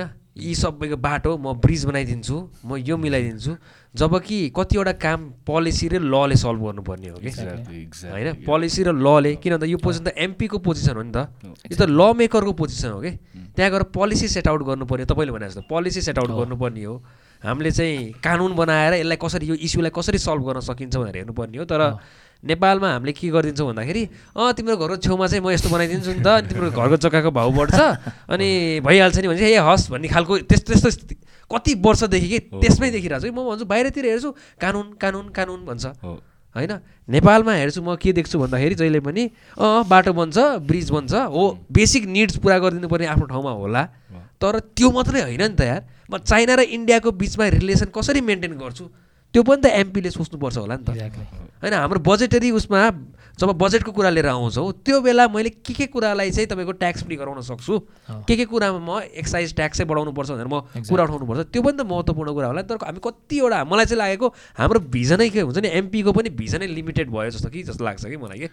होइन त्यसमा त्यो गर्दा गर्दै पब्लिक एक्सपेक्टेसन पनि त्यस्तै भइसकेको छ। यो किन भएको जस्तो लाग्छ भने मलाई नागरिक सक्रियता नभएर के चिया पसलमा गफ हुने घर घरमा तर फन्डामेन्टल कुरा के हो? सांसद र पब्लिक बिच अन्तर्क्रिया नभएको कारण रेगुलर अन्तर्क्रिया नभएको कारणले गर्दा तपाईँको मोडल बनाएर रेगुलर अन्तर्क्रिया यस्तो सबै दुविधा हट्छ है। इन्ट्रेक्सन हुन्छ नि त। मैले ठ्याक्कै यो चाहिँ गर्ने यो गर्ने हो यसरी भन्ने हो। त्यही भएर सबभन्दा नेपालको फन्डामेन्टल प्रब्लम चाहिँ इन्ट्रेक्सन मोडल आफ्नो एउटा मोडल के छ? इन्ट्रेक्सन नभएकै हो। ओके। यसमा थोरै कुरा एड गरेँ है मैले। किनभने एकदम इन्ट्रेस्टिङ किन लाग्यो भने मैले मेरो एजेन्डामा एउटा रुद्रमती पुनर्जागरण भन्ने राखेको छु होइन? रुद्रमती भनेको धोबी खोला अहिले कतिले बुझ्दैन। खासमा नाम चाहिँ रुद्रमती हो। त्यसको पुनर्जागरण राखेको छु। मैले यसमा चाहिँ यसलाई कसरी सफा बनाउने थोरै यसको पुरानो त्यो हिस्टोरिकल र कल कल्चरल एसेन्स चाहिँ कसरी रिभाइभ गर्ने भन्ने बारेमा स्टडी गरेको थिएँ। त्यो गर्दाखेरि मैले धोबी खोलाको स्टार्टिङदेखि एन्डसम्म चाहिँ मैले सानो रिसर्च गरेँ एउटा टिमसँग बसेर। त्यहाँ के देख्यो भने धोबी खोलाको लेन्थ अठार किलोमिटर छ एटिन किलोमिटर्स त्यसमा पचपन्नवटा पुल छ। होइन कुनै पुलमा गाडी हिँड्छ कुनै पुलमा बाइक हिँड्छ कुनै पुलमा पेडेस्ट्रियन हिँड्छ। यो पुलहरूको कुरा गरेको हुनाले। कस्तो अनसाइन्टिफिक तरिकामा त्यो पुलहरू बनाइएको छ भने निलो पुलदेखि त्यो गोपीकृष्ण अगाडिको धोबी खोला पुल छ। त्यो पुल त्यो डिस्टेन्समा बिचमा हिँड्ने हो भने लगभग तिन सय चार सय मिटरको होला। सात आठवटा पुल छ क्या त्यहाँ बिचमा। अनि कतै हेर्ने हो भने एक किलोमिटरमा एउटा दुइटा पुल छ।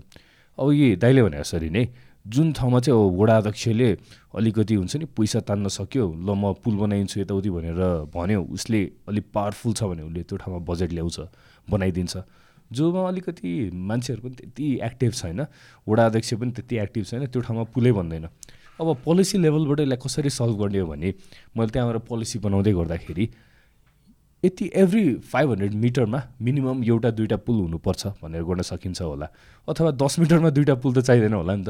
लिटरली दस मिटरमा दुइटा गाडी हिँड्ने पुल छ त्यता दस मिटरको डिस्टेन्समा अनि यस्तो कुरा हामीले त्यहाँ सांसद भएर जाँदै गर्दाखेरि त सल्भ गर्ने यस्तो इस्यु हो नि त। हामीले गएर पुल बनाउने पनि होइन भत्काउने पनि. होइन। यो कति डिस्टेन्समा कसरी बनाउने कति डिस्टेन्समा मिनिमम हुनुपर्छ कति डिस्टेन्समा कति थोरैमा चाहिँ पुल बनाउने हुँदैन यस्तो कुराहरू चाहिँ हामीले बुझ्नुपर्छ र राइट पैसा चाहिँ राइट ठाउँमा युज गर्नुपर्छ।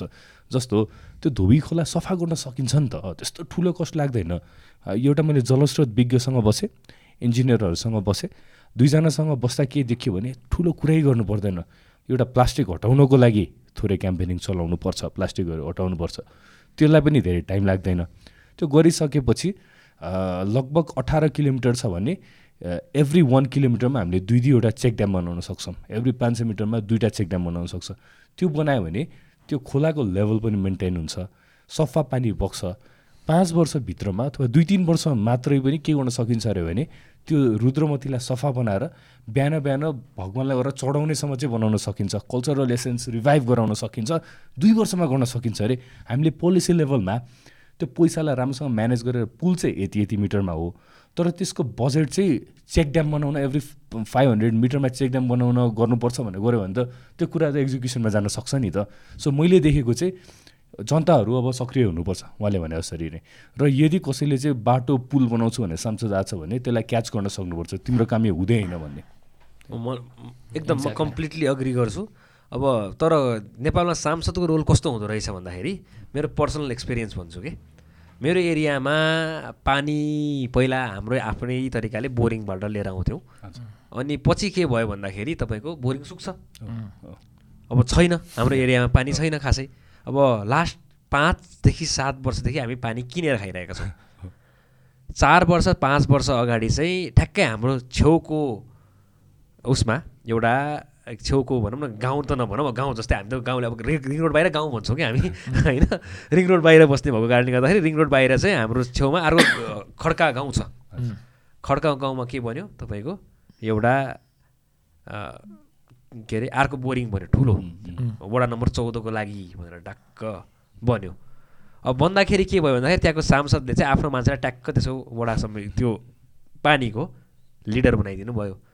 पाँच वर्ष भइसक्यो हामी पानी दे पानी दे भनेको छौँ। हाम्रो एरिया उहाँको फ्रेन्डली नभएको कारणले गर्दाखेरि के हुन्छ भन्दाखेरि पानी आउँदै आउँदैन। यो त छक्का पन्जा फिल्मै नि त लिटरली के? छैन। किन? छक्का पन्जाब फिल्म चाहिँ अलिकति अझै ड्रास्टिक थियो होइन?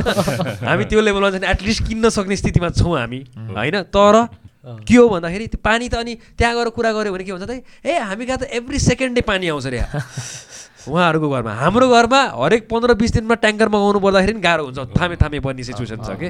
जबकि हाम्रो एरियामा दुई सय पचासदेखि तिन सयवटा घर छ। त्यहाँ पानी नै एक्सेस छैन। त्यो त यसमा चाहिँ होइन दाइ एउटा के रहेछ भने त्यो वाटर भल्भ कन्ट्रोल गर्ने मान्छे हुन्छ नि। उसको हात हुँदो रहेछ। त्यही हो। कतै ठाउँमा उसले घुस खुवाएर होइन त्यसलाई पैसा दियो भने त्यसले धेरै खोलिदिने रहेछ। कतै थोरै भने उसले बन्द गरिदिने रहेछ। त्यसैले मैले चाहिँ एउटा के पनि एजेन्डामा मैले एउटा खासमा डेटा र स्ट्याटिस्टिक्स छ त्यसमा पछि कुरा गरौँला वाटर पुलिसिङको कन्सेप्ट राखेको छ क्या। त्यो जसले वाटरको फ्लो कता कति गर्ने कता थोरै भइरहेछ कता धेरै भइरहेछ त्यसलाई पुलिसिङ गर्नको लागि चाहिँ पोलिसी बनाउनुपर्छ। त्यो गऱ्यो भने वा पानी कम्ती भएको पनि होइन रहेछ क्या पानी रहेछ। तर त्यो वाटर भल्भ जसले कन्ट्रोल गर्छ उसले बदमासी गरेर चाहिँ कतै जाने कतै. नजाने भए रहेछ। यी सबै कुराको सोल्युसन चाहिँ मैले अघि नागरिक सक्रियता। अब त तपाईँ पनि एलओडी गरेर ऱ्याप हान्नु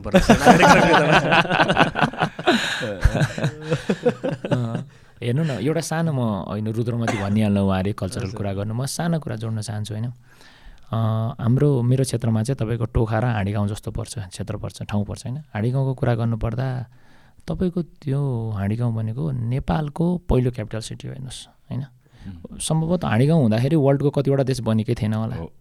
कस्तो ठाउँ हो नि त त्यो त त्यहाँ कैलाशकुट भवन छ भनेर हामीले जमानादेखि पढिआएको छ नि त्यहाँ एउटा सर्टेन एरियामा तपाईँको डिपार्टमेन्ट अफ आर्कोलोजीले खनेर पनि सर्टेन ठाउँ भेट्नु भएको छैन ओहो।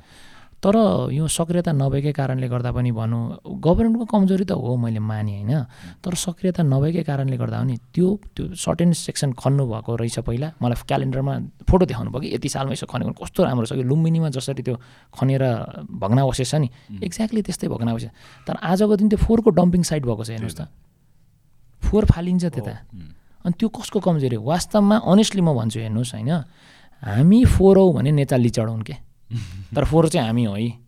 नाइन्टी पर्सेन्ट हाम्रो कमजोरी हो टेन पर्सेन्ट नेताको कमजोरी हामीभन्दा बाहिरको सिभिलाइजेसनबाट आएका मान्छे त होइन नि। हामी बिचकै मान्छे हुन्। हाम्रै प्रतिनिधि हुन् नि त होइन।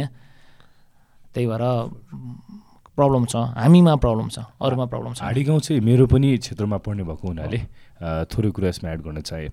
हाँडीगाउँ चाहिँ हिस्ट्री बुकमा मात्र सीमित भयो। उहाँले भने जसरी नै काठमाडौँको सन पुरानो सेटलमेन्ट है। एक्ज्याक्टली पाटन भक्तपुर बसन्तपुरभन्दा अगाडि हाडी गाउँमा सेटल भएको हो माली गाउँमा कैलाशकुट छ भनेर कति आर्कियोलोजीले त्यहाँ भनेको भन्छ। उहाँले भने जस्तो त्यो ढुङ्गेधाराको अपोजिटमा घेरेर राखेको छ. होइन? यस्तो इम्पोर्टेन्ट ठाउँमा अहिले रोममा हामीले हिँड्यौँ भने कस्तो त्यो हिस्टोरिकल इम्पोर्टेन्स फिल हुन्छ नि त्यो ठाउँमा? हु सब इन्फ्रास्ट्रक्चर छ तर एउटा हिस्टोरिकल इम्पोर्टेन्स फिल हुन्छ। मैले पनि हामी सँगै काम पनि गरौँला यसमा। हाडी गाउँमा हिँड्दाखेरि त्यो सबै इन्फ्रास्ट्रक्चर होस् सफा होस् तर म चाहिँ एउटा हिस्टोरिकली इम्पोर्टेन्ट ठाउँ एउटा कल्चरली इम्पोर्टेन्ट ठाउँमा हिँडिरहेको छु भने फिल हुनु पऱ्यो क्या हाडी गाउँ माली गाउँ गहना पोखरी छ भने.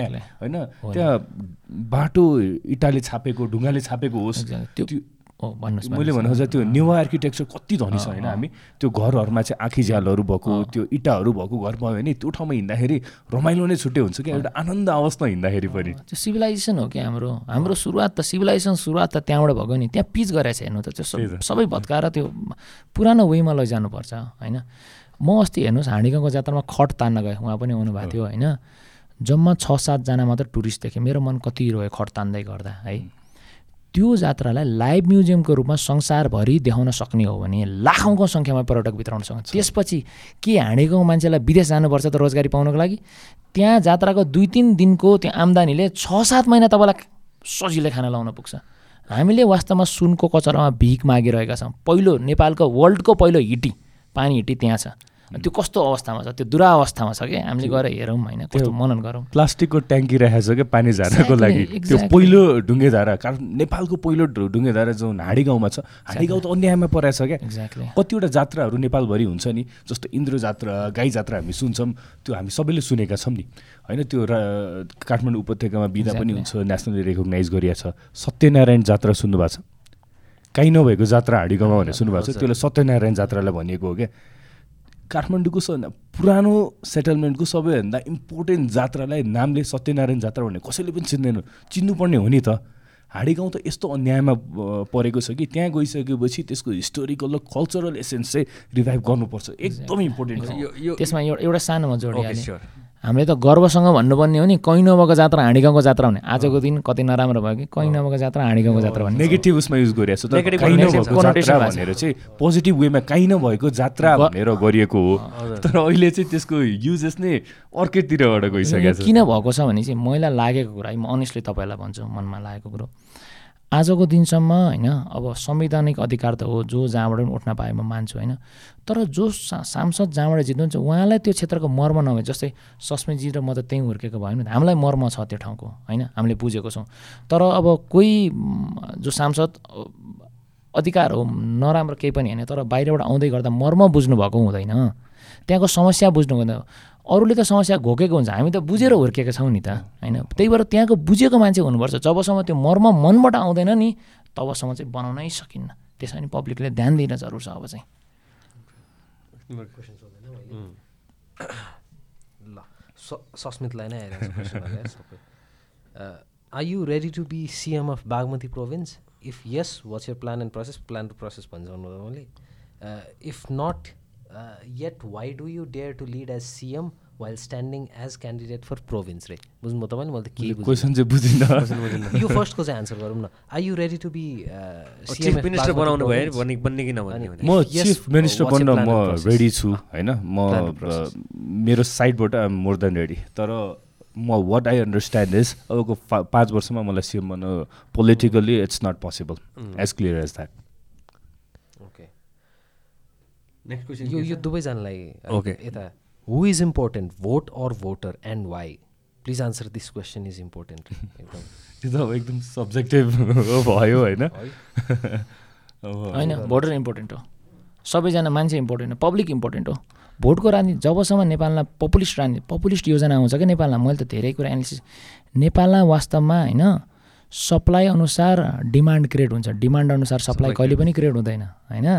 नेपालमा पपुलिस्ट योजना भन्छ तपाईँले एनालिसिस गर्नुभएको छ बागमती प्रदेशको जुन यो बजेटहरू आउँछ नि कस्तो कस्तो बजेट आउँछ? त्यो सबै बजेटहरू क्लबलाई आउँछ होइन? नराम्रो त होइन हेर्नुहोस्।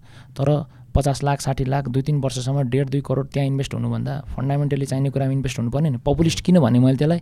किनभने त्यो सामान्य तबकाको मान्छेको वेलफेयरको लागि मात्र कनेक्ट छ। भोट ब्याङ्कको हिसाबले हेरिन्छ क्या त्यो बजेटलाई जबसम्म राज्यमा यसरी बजेट आउँदै गर्छ नि तबसम्म फन्डामेन्टल नेसेसिटी एजुकेसन भन्ने ठाउँमा चाहिँ हेल्थ भन्ने सेक्टरमा चाहिँ बजेट हाल्न सकिन्न क्या हामीले। त्यो बजेट चाहिँ पपुलिस्टको रूपमा युज भइरहेको हुन्छ। उहाँले भन्दै गर्दाखेरि मैले चाहिँ थोरै गरेँ होइन मलाई चाहिँ भोट बढी इम्पोर्टेन्ट जस्तो लाग्यो है सोच्दै गर्दाखेरि।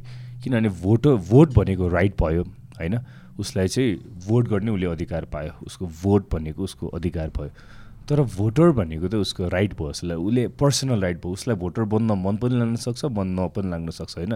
यदि if the person chooses not to register to vote ऊ भोटर त होइन तर भोट हाल्ने अधिकार त उसलाई हुनु पऱ्यो सो आफ्नो कुरा हो होइन मलाई चाहिँ भोट बढी इम्पोर्टेन्ट जस्तो लाग्यो त्यसमा चाहिँ मैले यसो भनेको थिएँ जस्तै हाम्रो क्षेत्रमा seventy thousand nine hundred and twenty nine voter हुनुहुन्छ होइन। मैले चाहिँ सबैलाई भोटर ग्रुपमा लिएँ क्या। मैले चाहिँ जसले नहाल्ने नि तर खस्न त सिक्सटी फोरदेखि सिक्सटी फाइभ पर्सेन्ट खस्छ। उहाँको तर्क पनि ठिक हो। उहाँले चाहिँ सिक्सटी फोरदेखि सिक्सटी फाइभ पर्सेन्ट मान्छे खसेकोलाई भोटर मान्नु हो तर मैले चाहिँ समग्र सबैलाई पब्लिकलाई माने मैले चाहिँ ऊ पनि भने अब पाँच कमा चाहिँ ट्वेन्टी सेभेन थाउजन्ड छ भोटर होइन। त्यति होला। तर एलिजिबल टु बी भोटर चाहिँ it's more than forty thousand छ क्या। कतिले रेजिस्टर नै गरेको छैन नि त। मैले चाहिँ त्यो साइडबाट होइन तर I I get you point यता क्वेसन आएको छ। किन सबै विज्ञ चाहिँ काठमाडौँ पाँचबाट उठेको? कस्तो इन्ट्रेस्टिङ क्वेसन त्यसैले म चाहिँ पाँच कबाट उठेको है धेरै विज्ञ पाँचमा हुनुभयो प्रतिनिधिमा म पाँच त्यसैले चाहिँ प्रदेश हो आमामा क्षेत्रमा पाँचमा अलिक बढी इन्टेलेक्चुअल कमिटी कम। कम्युनिटी पनि हुनुहुन्छ होइन। पाँचलाई राम्रै एनालिसिस गर्नुभयो भने त्यहाँ विज्ञ मान्छेहरू पनि साँच्चै पनि धेरै छन्। धेरै मान्छे बस्नुहुन्छ त्यस्तो। अनि त्यही कारणले गर्दा उहाँलाई रिप्रेजेन्ट गर्नलाई विज्ञहरू आ आउनुपर्छ भन्ने हिसाबले पनि क्षेत्र। नम्बर पाँचमा के के छ थाहा छ प्रधानमन्त्री कार्यालय क्षेत्र नम्बर पाँच राष्ट्रपतिको निवास कार्यालय क्षेत्र नम्बर पाँच। त्यो त विज्ञ भएन नि त विश्वास लागेन मलाई। हुनुपर्ने हो। हुनुपर्ने हो तर छैन। निर्मल निवासदेखि लिएर अमेरिकन एम्बेसीदेखि लिएर होइन धेरै धेरै अब विज्ञ नभन्नु अनि त्यहाँ न्युट्रल न्युट्रल बोर्ड धेरै छ। Swing board. न्युट्रल बोर्ड धेरै छ। अनि विज्ञ आउँदै गर्दा उहाँको कुरा सुनाउन कन्भिन्स गर्न सजिलो हुन्छ भन्ने हिसाबले पनि हो। नाइस ओके ओके अर्को क्वेसन है। The government is heavily influenced by major corporate players of the nation I would like to hear their perspective on that statement अब यसमा म एड गर्न चाहेँ कि अहिले तपाईँले ठेकेदार गर्नुभयो भने जो जो उठ्नु भएको छ। हजुर। अरू बेला चाहिँ तपाईँको हुन्छ नि उसमा स- कति हातमा दसजना मैले गर्न सक्छु पन्ध्र बिसजना त होइन। किन चाहिँ अब यो ठेकेदार कर्पोरेट हाउसेसको मान्छेहरूको चाहिँ हाम्रो प्रतिनिधि सभा र प्रदेश सभामा पनि अलिकति अब नम्बर चाहिँ अलिकति बढी छ जस्तो लाग्छ कि मलाई। यसमा चाहिँ इलेक्सन कमिसनको रोल मलाई इम्पोर्टेन्ट हुन्छ जस्तो लाग्छ होइन। किनभने भो एउटाले कति पैसा खर्च गर्ने क्यान्डिडेटले भने त इलेक्सन कमिसनले तोक्या छ तर त्यो पालना हुन्छ त हामीलाई त हुँदैन भने सबलाई थाहा छ। जस्तो मेरो मेरो पुरा यो एन्टायर इलेक्सनको कस तिन लाख चाहिँ भएको छ। तिन लाखभन्दा बढी हुँदैन। जब कि प्रदेशले पन्ध्र लाख चाहिँ जितेको छ मलाई तिन लाखभन्दा बढी हुँदैन। तर यो क्याम्पेनमा कतिजना आउँदै गर्दाखेरि मैले पर्सनल एक्सपिरियन्स गरेको कुरा मैले भलन्टियर्स कल गरेँ होइन? पहिला गरेको थिएँ मैले पछि गर्न पनि छोडेँ। कतिजना अफिसमा आउँथ्यो। उनीहरूको एक्सपेक्टेसन नै दिनमा कति पैसा पाइन्छ भन्ने हुन्थ्यो। मसँग यदि दुई सयजना तिन सयजना केटाहरू छ ल्यायो भने कति पैसा पाउँछु भन्ने। फर्स्ट क्वेसन उनीहरूको। अहिले हामीले पार्टीमा त्यत्रो क्राउड देखाए के रहेछ छ उनीहरूले पैसा तिरेर ल्याएको मान्छे त्यति धेरै रहेछ। अब कस्तो देखियो भने जोसँग पैसा धेरै छ एक त उसले मान्छेहरू पनि धेरै ल्याउने। प्लस अब काठमाडौँ जस्तो ठाउँमा पनि भोटर किनबेच म्याक्सिमम् हुन्छ होइन? त्यो भइसकेपछि उद्योगपतिहरू अझ बढी इन्ट्रेस्ट भएको चाहिँ किनभने पैसाले इलेक्सन किन्न सकिन्छ। यसमा चाहिँ इलेक्सन कमिसनलाई हामीले अलिकति इन्डिपेन्डेन्ट बनायो अलिकति बढी पावरफुल बनायो भने चाहिँ यो समस्या समाधान हुन्छ जस्तो लाग्छ। मोनिटरिङको पाटो पनि आफ्नो पाटो तर हामी पब्लिक सचेत हुनुपर्छ। कमजोर चाहिँ हाम्रो। फेरि पनि हाम्रो कमजोर। सबैजना एकैचोटि तपाईँले तपाईँले. तपाईँले तपाईँले भन्- जति भन्दै जानुभयो नि. त्यति नै ममा चाहिँ रिइन्फोर्स हुँदै गइरहेको छ। एभ्री सिङ्गल टाइम हुन्छ नि तपाईँले. हरेक कुराको आन्सर लास्टमा हामी सचेत हुनुपर्छ। यार भन्ने खालको हुन्छ नि मलाई चाहिँ। Reinforcing on me as well क्या? अहिले अहिले यस्तो तरिकाले। सबैजना उहाँले भनेकै कुरा मलाई भाना भएको छ होइन। त्यही ठ्याक्क भोलिन्टियर कल गरे आउनुहुन्छ होइन डिमान्ड गर्नुहुन्छ है। डिमान्ड पनि अचम अचम लाग्दो डिमान्ड हुने यति भोट छ मसँग यति केटाहरू छ भन्ने। हो मैले त यो लेभलसम्म हामी म म उहाँलाई भने हामी हामी घटिया भइसकेको छौँ जस्तो मलाई लाग्थेन है। उपभोक्ता समितिको मिटिङ छ आउनुहोस् आउनुहोस् भने बोलाउँछन् होइन? अब होला त एड्रेस गर्ने मौका पाइन्छ जाउँ न त सल्लाह हुन्छ कुरा हुन्छ भनेर गयो। ल है हाम्रो यहाँ यस्तो समिति चाहिँ यति भोट छ यो ल पिकनिकलाई यति गर्नु पऱ्यो उसलाई यति गर्नु पऱ्यो त्यस्तो भन्नु। अरे बाबा पैसै भयो भने त्यो काम चाहिँ गर्नु हुँदैन है हामीले। हो। हो कि नै भन्नुहोस् त। आजको दिन एक करोड मान्छे लगानी गर्छ भने पाँच वर्ष पछाडि दुई करोड त पक्कै गर्नुपर्छ भने सोध्छ अलिअलि त त्यो लगानी गर्नलाई त तनाव सबै मुक्त गर्नलाई उसले दस करोड कमाउनु पर्ने हुन्छ आज एक करोड लगानी गर्छ उसले दस करोड कमाउँछ ताकि अर्को चुनावमा दुई करोड रुपियाँ खर्च गर्न पाइयोस् त्यो सिस्टमले गएको कारणले गर्दा नि हो कि हाम्रो। अनि नेपालमा अनेस्टली भन्छु राज्यभन्दा कर्पोरेसन पावरफुल भइसकेको छ। सर्टेन कर्पोरेसनहरू धेरै पावरफुल छन् होइन? अब तपाईँको हाम्रो नेपालमा शिक्षा नीति बनाउनमा नामै लिएर त के भन्नु होइन? एजुकेसन स्कुल कलेजहरू जसले चलाएर हुन्छ नि उहाँले लिड गर्नुहुन्छ हो। ब्याङ्कको नीति बनाउनु पर्दा आजको दिन एकजना मान्छे जेलमा हुनुहुन्छ नि। उहाँ उहाँले नीति बनाउनु भएको है। अनि ठेकेदारको नीति बनाउँदा चितवनको एकजना एमपी हुनुहुन्थ्यो नि पहिला। उहाँको अन्डरमा नीति बनेको होइन। सो बेसिकली राज्यको नीति कसले बनाउने रहेछ त? पुरै कन्फ्लिक्ट अफ इन्ट्रेस्ट छ क्या त्यहाँ। होइन जबसम्म त्यो हुन्छ नि तबसम्म कहिले पनि हाम्रो हामीले हामी चाहिँ विकास गर्न सक्दैन है। सर्टेन नेपालको अर्को सबभन्दा मेन्ट फन्डामेन्टल दुईवटा एङ्गलबाट हेर्छ। एउटा चाहिँ जनताको बर्डन सिफ्ट हेर्नुहोस्। पाँच वर्ष एउटा सांसदलाई दियो भने उसकै ठेका भन्छ कि त्यो नागरिक सक्रियता कुरा त्यसमा भने होइन। उसले नै गर्नुपर्छ। त्यस- त्यसकै काम हो। अर्को कुरा तपाईँको के छ भने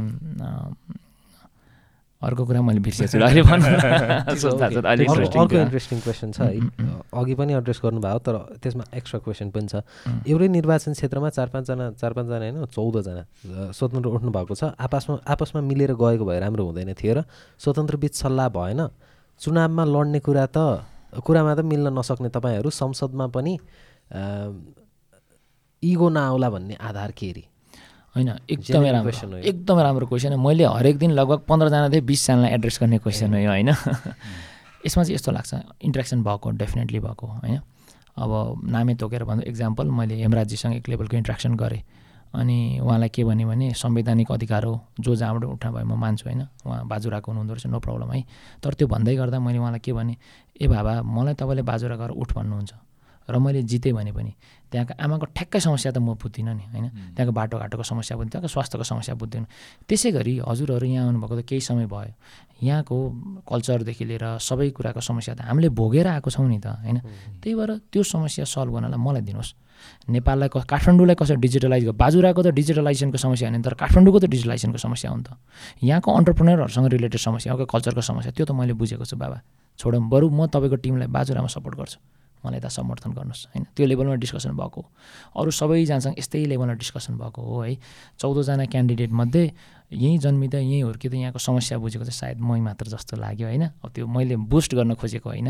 तर त्यही लेभलमै सबैजनासँग इन्ट्रेक्सन भएको। सबैलाई आफ्नो क्षेत्रमा जाउँ कर्मथलो जन्मथलोमा जानुहोस्। हाम्रो इन्टायर टिमले समर्थन गर्छ तपाईँको इन्टायर टिमले यता समर्थन गर्नु भनेर कुरा चाहिँ भएको है? सस्मितलाई केही एड मेरोमा त इन्डिपेन्डेन्ट म मात्र हो मलाई लाग्यो मलाई जस्तो लाग्यो। किनभने इन्डिपेन्डेन्ट भन्ने बित्तिकै पा त्यसैले यो सिस्टममा पार्टी चाहिँ इम्पोर्टेन्ट हुन्छ म त्यो कुरा मान्छु अहिलेको व्यवस्थामा पार्टीको विकल्प पार्टी नै हो भन्नुको कारण नै यही हो। इन्डिपेन्डेन्टहरू दसजना दस ठाउँमा बसेको छ भने एउटै ठाउँमा राख्यो भने पनि सबैको आफ्नै पोइन्ट अफ भ्यू हुन्छ आफ्नै पर्सपेक्टिभ हुन्छ। त्यही सोचेरै आफ्नै पोइन्ट अफ भ्यू लिएर त ऊ आएको हुन्छ मैदानमा। त्यो मिल्न सक्ने भएको भए त ऊ सायद आउँथ्यो जस्तो लाग्दैन। त्यो भइसकेपछि इन्डिपेन्डेन्टहरूलाई एक ठाउँमा मिलेर अघि भने जस्तो एउटै क्यान्डिडेट दियो भनेको त पार्टीहरू सबजना मिलेर एउटै क्यान्डिडेट दियो भने जस्तै हो। त्यो प नेपालमा हुन त भइरहेछ। काङ्ग्रेस र कम्युनिस्टले मिलेर एउटा दिइरहेछ होइन। तर त्यो मिल्दैन नि त खासमा। त्यसैले इन्डिपेन्डेन्टहरू जतिजना आउँछ आफ्नै कुरा लिएर आउँछ उनीहरूलाई एउटै भएर आइज भन्न सर्टेन अब कति ठाउँमा प्र्याक्टिस भएर तिन चारजनाको एकजना भएर आएको पनि छ। होइन तर सबैलाई हन्ड्रेड पर्सेन्ट जति छ सबैलाई मिलाउन चाहिँ त्यो पोसिबल छ जस्तो लाग्दैन। अब अब यसमा मलाई सोध्या क्वेसन त होइन है तर मलाई लाग्ने कि? पर्सनली लाग्ने। मैले त्यहाँ गएर इगो जुधे नि के हुन्छ र भन्छु एमपीको हो। एमपी भएरै जानुभयो स्वतन्त्रबाट जितेर ल पन्ध्रजना जानुभयो पन्ध्रजनाकै इगो जुत्यो भने राम्रो कुरामा जित्दैछ नि त के भएर एक्ज्याक्ट इगो त नि इगो जुतेपछि पनि नयाँ सल्युसन आउँछ भन्ने कुरा हो कतिवटा कुरा हो कि? एउटाबाट एउटा होइन यस्तो हुनुपर्छ यस्तो हुनुपर्छ मिलेर हुने हो नि त। मलाई चाहिँ त्यो लाग्छ कि। एक्ज्याक्टली अनि संसद भवनभित्र छिरिसकेपछि केलाई केन्द्रमा राख्ने भन्ने कुरो हो कि? पार्टीले पार्टीको स्वार्थलाई केन्द्रमा राख्छ। हामी स्वतन्त्र सांसदहरूले इनफ्याक्ट सबैले राख्नुपर्ने हो तर एटलिस्ट हामी स्वतन्त्र सांसद नीति नियम जे बनाउँछ त्यसलाई चाहिँ केन्द्रमा राखेर काम गर्नुपर्छ। राष्ट्रको हितलाई केन्द्रमा राखेर काम गर्नुपर्छ। त्यसलाई केन्द्रमा राख्दै गर्दा जति जुते पनि जति क्लास भए पनि अल्टिमेटली त त्यो सेन्टरमा आयो नि त। त्यस्तो गर्नुपर्छ। Okay. What's their roadmap if they lose? I think the vision of, vision of what's ahead after defeat also defines a true leader. रे हार्नु भयो भने के गर्नुहुन्छ? म त सेम काम कन्टिन्यू गर्छु हेर्नुहोस्। मेरो आइटीसँग रिलेटेड काम हो। मैले आज पनि नेपाललाई डिजिटलाइज गर्छु भनेकै हो। पक्कै पनि सामान्य इन्जिनियर सुशान्त श्रेष्ठ हुँदै गर्दा त्यो पाथ चाहिँ गाह्रो छ। तर म सांसद सुशान्त श्रेष्ठ चाहिँ त्यो पाथ सजिलो छ। फरक त्यति हो। पाँच वर्ष लाग्ने ठाउँमा एक वर्ष लाग्ला तर म मेरो डिजिटलाइज गर्ने आफ्नो जुन कन्सेप्टहरू छ भिजनहरू छ त्यसलाई म अगाडि बढाउँदै गर्छु। एउटा उदाहरण दिन चाहन्छु म तपाईँलाई यसमा है। कोभिडको बेलामा मैले सम्बन्धित तत्कालीन सामाजिक विकास मन्त्रीका गएर एउटा प्रपोजल लिएर गएँ कसरी लिएर गएँ? काठमाडौँभरिको सबै हस्पिटललाई यसरी डाटाबेस बनाऊ होइन जस्तै नर्भिक सिभिल सबै सबै हस्पिटलको रियल टाइम बेसिसमा पाँच बजेर पन्ध्र मिनट पन्ध्र सेकेन्डमा ठ्याक्राक्क कुन हस्पिटलमा कति बेड खाली छ कति आइसियु खाली छ कति भेन्टिलेटर खाली छ भनेर होइन? उहाँले लत्याउनु भयो। सामान्य सुशान्त श्रेष्ठ गएको कारणले गर्दा। तर त्यो गर्न सकिएको इमेजिन गर्नुहोस् न। घर दैलोबाट तपाईँको घरबाट हस्पिटल लैजाँदै गर्दा होइन? सिभिल लग्यो ला भेन्टिलेटर त छैन रहेछ यहाँ।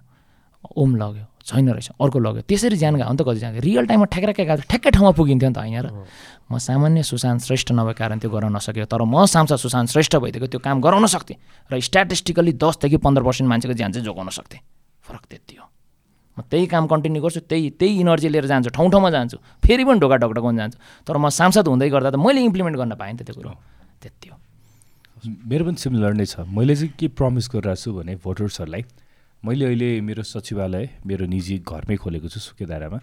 मैले यदि हारेँ भने पनि म हार्छु जस्तो मलाई लाग्दैन म जित्छु जस्तो लाग्छ। तर यदि हारेँ भने पाँच वर्ष मेरो जति भोट आउँछ त्यो भोटको प्रतिनिधित्व गरेर त्यो सचिवालय चाहिँ त्यो कामै रहन्छ नेक्स्ट पाँच वर्षसम्म। यदि जित्यो भने त्यो प्रदेश सांसदको सचिवालय हुन्छ। यदि हाऱ्यो भने सस्मित पोखरेलको सचिवालय हुन्छ र म पाँच वर्षमा जित्दाखेरि जे जे कुरा गर्थेँ यो पाँच वर्षमा म त्यही त्यही गर्छु। त्यता केही जो जो जसले मलाई भोट हाल्नुभयो त्यो क्षेत्रमा बस्ने जो जो हुनुहुन्छ उहाँहरूको भोइसलाई चाहिँ रिप्रेजेन्ट म त्यहाँ गर्छु। र राइट अथोरिटी कहाँ हो? त्यहाँ एकजना सामान्य नागरिक भएर त्यो भोइस चाहिँ लान्छु।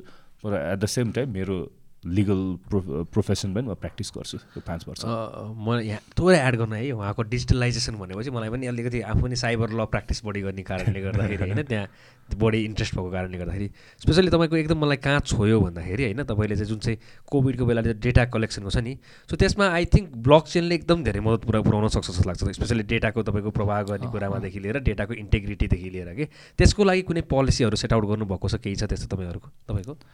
त्यो अलि इलेबोरेट गरिदिनुहोस् न तपाईँले मैले। भनेको अब फर इक्जाम्पल नेपालमा अहिले मान्छेले आइडिया के छ भन्दा ब्लक चेन भने क्रिप्टो हो भन्ने आइडियामा छ तपाईँको। त्योभन्दा बियोन्ड मान्छेले चाहिँ क्रिप्टो ब्यान छ अनि त्यसपछि ब्लक चेनको पनि कुनै पनि काम गर्न थालिएको छैन। अब फर इक्जाम्पल तपाईँ अहिले हेऱ्यो भने इन्टरनेसनल हेऱ्यो भने धेरैवटा हस्पिटलमा के गरिएको छ भन्दाखेरि तपाईँको डेटाको प्राइभेसी सेट गर्नको लागि र इजी फ्लो अफ डेटा हुनको लागि चाहिँ ब्लक चेनको अन्तर्गत चाहिँ पेसेन्टको नाम राख्ने तपाईँको जसरी चाहिँ हस्पिटलमा यो भयो त्यो भयो भनेर रियल टाइम चाहिँ तपाईँको डेटा देखाउने तरिकाले चाहिँ एक तरिकाले एउटा सिस्टम सेटआउट सेटआउट गरिएको छ भनौँ न तपाईँको।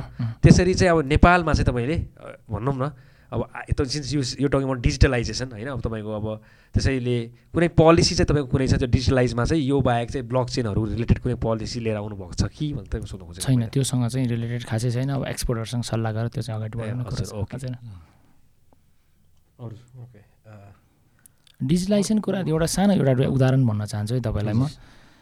डिजिटलाइजेसन भनेको एउटा टुल हो होइन। हजुर। यस्तो सामान्य सामान्य कुराले गर्दा ठुलो इम्प्याक्ट गर्न छ। हेर्नु न अघि नै मैले तपाईँलाई भने नि मैले भोलिन्टियरली मलाई दुई दिन दिनुहोस्। गिफ्टको रूपमा म तपाईँलाई दिन्छु भनेर भने होइन। त्यो दुई दिन मात्र मलाई दिनुभयो भए स्ट्याटिस्टिकली धेरै मान्छेको ज्यान कति सामान्य कुरो। अघि मैले गुनासा एप तपाईँलाई देखाएँ होइन।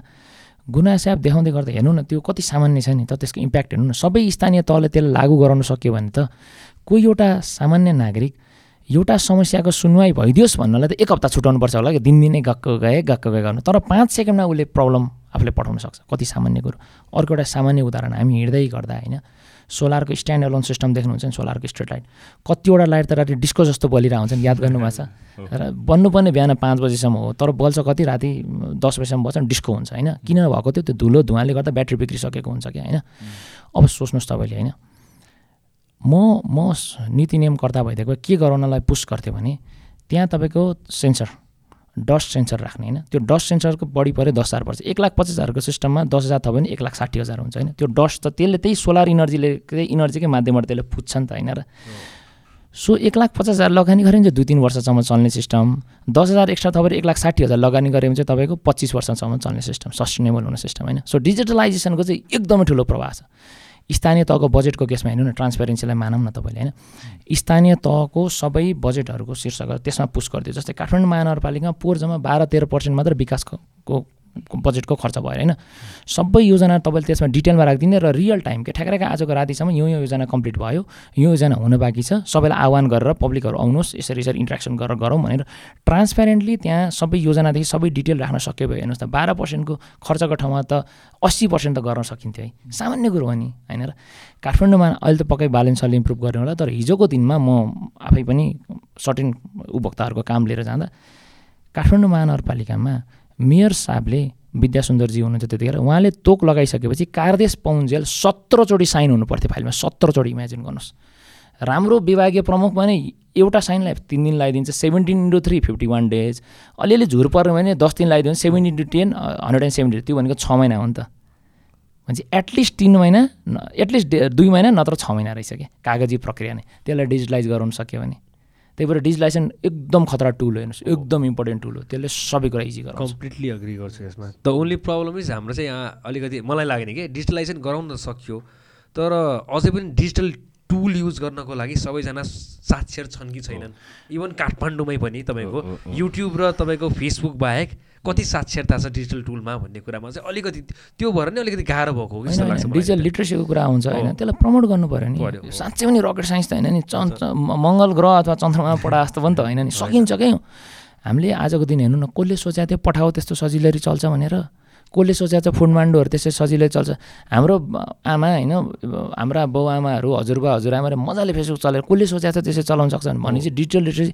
अरे बाबा नागरिकलाई चाहियो भने चाहिँ चाहियो कि? जसरी पनि गराउनु पऱ्यो नि त राज्यले। हो तर यसको फेरि अन्य अदर ह्यान्ड मैले आफैले है तपाईँलाई फेरि तपाईँको कुरा काट्नु कस्तो हुन्छ भन्दाखेरि मेरो आमा बुवालाई सबै कुरा चलाउनु आउँछ तर मैले त्यो पठाओ डाउनलोड गरेर उहाँलाई त्यो लोकेसन सेट गरिदिनु मैले सेट गर्नुपर्छ कि?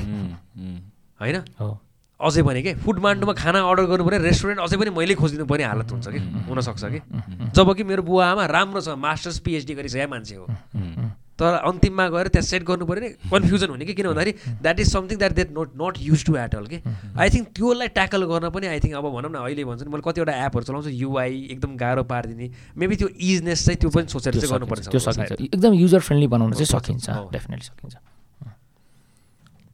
अर्को एउटा इन्ट्रेस्टिङ क्वेसन आएछ टु बोथ यो चाहिँ how do you increase the in house productivity have you identified any priority sectors which can help in min help in minimizing the trade deficit that we're facing त्यो त मैले चाहिँ के गरेको छु भने मैले जुन तपाईँलाई डेटा एन्ड स्ट्याटिस्टिकको कुरा गरेँ सुरुमा त्यसमै म जान चाहन्छु। विशेष गरी मेरो क्षेत्र वडा नम्बर दुई वडा नम्बर चार र वडा नम्बर पाँच। सेक्युरिटी हिसाबले एकदमै सेक्योर ठाउँ हो।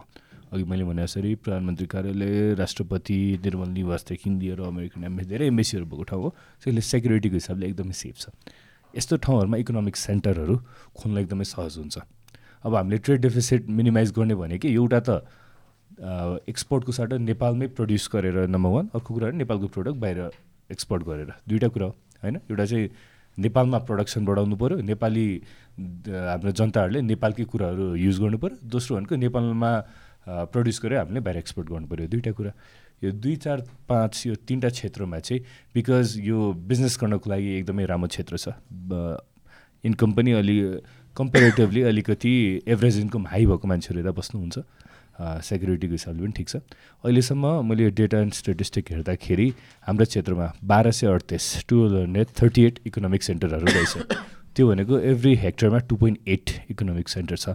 यसलाई बढाएर मैले चाहिँ छ इकोनोमिक से सेक सेन्टर्सहरू पर हेक्टरमा चाहिँ गर्ने भनेर मैले सोचेको छु। त्यो गऱ्यौँ भने चाहिँ अब म एकजनाले आफ्नो क्षेत्रमा मात्र गरेर हुन सक्दैन। यस्तो क्षेत्रहरू आइडेन्टिफाई गरेर जुन ठाउँमा चाहिँ बिजनेसहरू गर्न सजिलो छ इकोनोमिक सेन्टरहरू खोल्न सजिलो छ त्यसले गर्दाखेरि चाहिँ इकोनोमिक फ्लो बढ्छ जब क्रिएट हुन्छ त्यस्तो ठाउँलाई बढी हामीले इन्करेज गर्नु पऱ्यो त्यो गऱ्यो भने लोकल प्रडक्टहरू बढी बिग्छ होइन हामीले प्रोडक्सन गरेर एक्सपोर्ट गर्न सक्ने वातावरण हुन्छ। जहाँ गर्न सकिन्छ त्यसलाई प्रमोट गर्ने हो। मेरो गोल भनेको जुन बाह्र सय अडतिसवटा इकोनोमिक सेन्टर छ two point eight per hectare त्यसलाई बढाएर सिक्स बनाउने मेरो चाहिँ पाँच वर्षको गोल छ। अब मेरो केसमा भन्नुभयो अहिले मैले जुन अन्टरप्रोनर सेन्टर भने नि त्यो मार्फत एड्रेस गराउन सकिन्छ हेर्नुहोस्। अब सामान्यभन्दा सामान्य कुरा पनि हामीले बाहिरबाट भित्र हेर्छौँ। कस्तो अचम्म लाग्छ है? ती सबै कुराहरूलाई जो जो मान्छेसँग आइडिया छ उहाँलाई चाहिँ इमिडिएटली गर्नु पऱ्यो। इमिडिएटली कनेक्ट गराइदिनु पऱ्यो सबै ठाउँमा। पैसा भएको मान्छे आइडिया भएको मान्छे सबैतिर कनेक्ट गराउँदै गयो भने धेरैभन्दा धेरै प्रडक्टहरू जुन हामीले इम्पोर्ट गर्छौँ त्यो रेड्युस हुँदै हुँदै हुँदै हुँदै जान्छ। काम चाहिँ यो वानबाटै स्टार्ट हुनु पऱ्यो ठुल्ठुलो कुरा गरौँ ठुल्ठुलो कुरा यो सामान्य कुरा हो ठुलो कुरा मात्र गर्छन् सपना ठुल्ठुला बाँड्छन् होइन। तर हरेक यो जने भने जनेको काम गर्नु पऱ्यो होइन। जे जे छ एभ्रिथिङको गर्दै जानु पऱ्यो त्यसपछि बल्ल कट हुँदै हुँदै हुँदै हुँदै जान्छ अनि त्यसपछि बल्ल हाम्रो प्रडक्टिभिटी बढ्छ बल्ल अगाडि बढ्छ जस्तो लाग्छ। हाम्रो लोकल प्रडक्टहरू पनि होइन ल मेरै क्षेत्रको कुरा गर्नुहुन्छ भने होइन। हाम्रो काठमाडौँ क्षेत्र नम्बर पाँचलाई मैले सांस्कृतिक प्राकृतिक र धार्मिक पर्यटनको दृष्टिकोणले सर्वोत्कृष्ट क्षेत्र भन्छु मेरो क्षेत्रलाई। त्यो पर्यटकीय दृष्टिकोणले हुँदै गर्दा त्यसमा इकोनोमिक एक्टिभिटी म्यासिभली बुम गराउन सकिन्छ। इन्कम त त्यसरी हुने न धार्मिक कुरा गरौँ न त उदाहरणलाई। मेरो क्षेत्रमा बुढानीकण्ठ मन्दिर छ चण्डेश्वरी मन्दिर छ तपाईँको टुणालदेवी मन्दिर छ मसानकाली मन्दिर छ सत्यनारायण मन्दिर छ भाटभुटेन मन्दिर जु जुन पशुपति जत्तिकै पुराना मन्दिर हुन् तर के आजको दिनमा आजको सांसदले त्यसलाई एउटा के भन्ने अभियानकर्ताको रूपमा अगाडि बढायो त म त सांसद भनेको अभिभावक अभियानकर्ता पनि हो नि त भोलिको दिनमा पशुपतिमा आउने पर्यटक न त एयरपोर्टमा आउने पर्यटक पर्यटकमध्ये हरेक दिन सयदेखि डेढ सयजना पर्यटकलाई काठमाडौँ क्षेत्र नम्बर पाँच पहिलो डेस्टिनेसनको रूपमा लैजान सक्यो भने इमेजिन गर्नुहोस् न कति इकोनोमिक एक्टिभिटी बुम हुन्छ होइन? अनि त्यसपछि अन्टरप्रोनरहरू त्यहाँ डेभलप हुन्छ है? सांस्कृतिक कुरा गर्नुहुन्छ भने अघि पनि मैले भने हाँडी गाउँ जात्राकै कुराकानी गरेँ होइन? त्यसै मेरो एरियामा टोखा छ तपाईँको होइन? टोखा एरियामा हरेक डेढ सय दुई सय मिटरमा भजनहरू गाइरहेको हुन्छ। हाम्रै जस्तो युवा पुस्ताले भजनहरू गाइरहेको हुन्छ। त्यो जो भजन उहाँहरूको कर्मसँग जोडिएको कुरा छ त्यो त कर्म हो नि उहाँको त्यसलाई व्यवसायीकरण गर्न सकियो भने म सांसद भएपछि इमिडिएटली तपाईँले जुन अहिले छ करोडको कुरा गर्नु म पनि त्यसको अगेन्स्ट हुन चाहिँ होइन त प्रिन्सिपली अगेन्स्ट हो तर आउँदै गर्दा राम्रो ठाउँमा त युज गर्नु पऱ्यो एउटा तपाईँ भजन भवन सेटअप गर्न सकेर त्यहाँ भजन मण्डलीलाई प्रयोग गरेर पर्यटक आउने पर्यटकलाई त्यो भजन देखाउन सक्यो भने उहाँको कर्मसँग जोडिएको कुरामा उहाँको संस्कृति पनि जोगियो हाम्रो संस्कृति पनि जोगियो होइन? व्यवसायीकरण हुँदै गर्दा पैसा पनि आम्दानी पनि भयो होइन? त्यस्तो त्यस्तो काम गर्ने हो कि सांसद स्टेक होल्डर सबैलाई जोड्ने हो। पर्यटकीय कुरा गर्नुहुन्छ नि हेर्नुहोस् बुढालिङ्गन्टभन्दा माथिको रिजनमा तपाईँको उत्कृष्ट हाइटिङ साइट हो नि होइन र? है? चक्रपथबाट दस किलोमिटरको रेन्जमा रुलकुम्ब र रोल्पा जस्तो दृश्य पाउनु भनेको म गर्व गर्छु मेरो क्षेत्रमा पाँचमा त्यस्तो ठाउँ छ भनेर। अनि त्यो ठाउँलाई म्यासिभली म कसरी हुन्छ? म सामान्य सुशान्त श्रेष्ठ गएर त्यहाँ हाइकिङ गर्न जाँदा त डेफिनेटली हुँदैन तर म सांसद सुशान्त श्रेष्ठ भएर त्यसलाई प्रमोट त स्ट्रङली गर्न सक्छु। म अभियान त हुँ म अभियानकर्ता हुँ त्यसको लागि। त्यो गर्न सक्यो भने इकोनोमिक एक्टिभिटी कति बुम हुन्छ भनेर। होइन सो त्यसरी त्यसरी गर्दै जानुपर्छ जस्तो लाग्छ।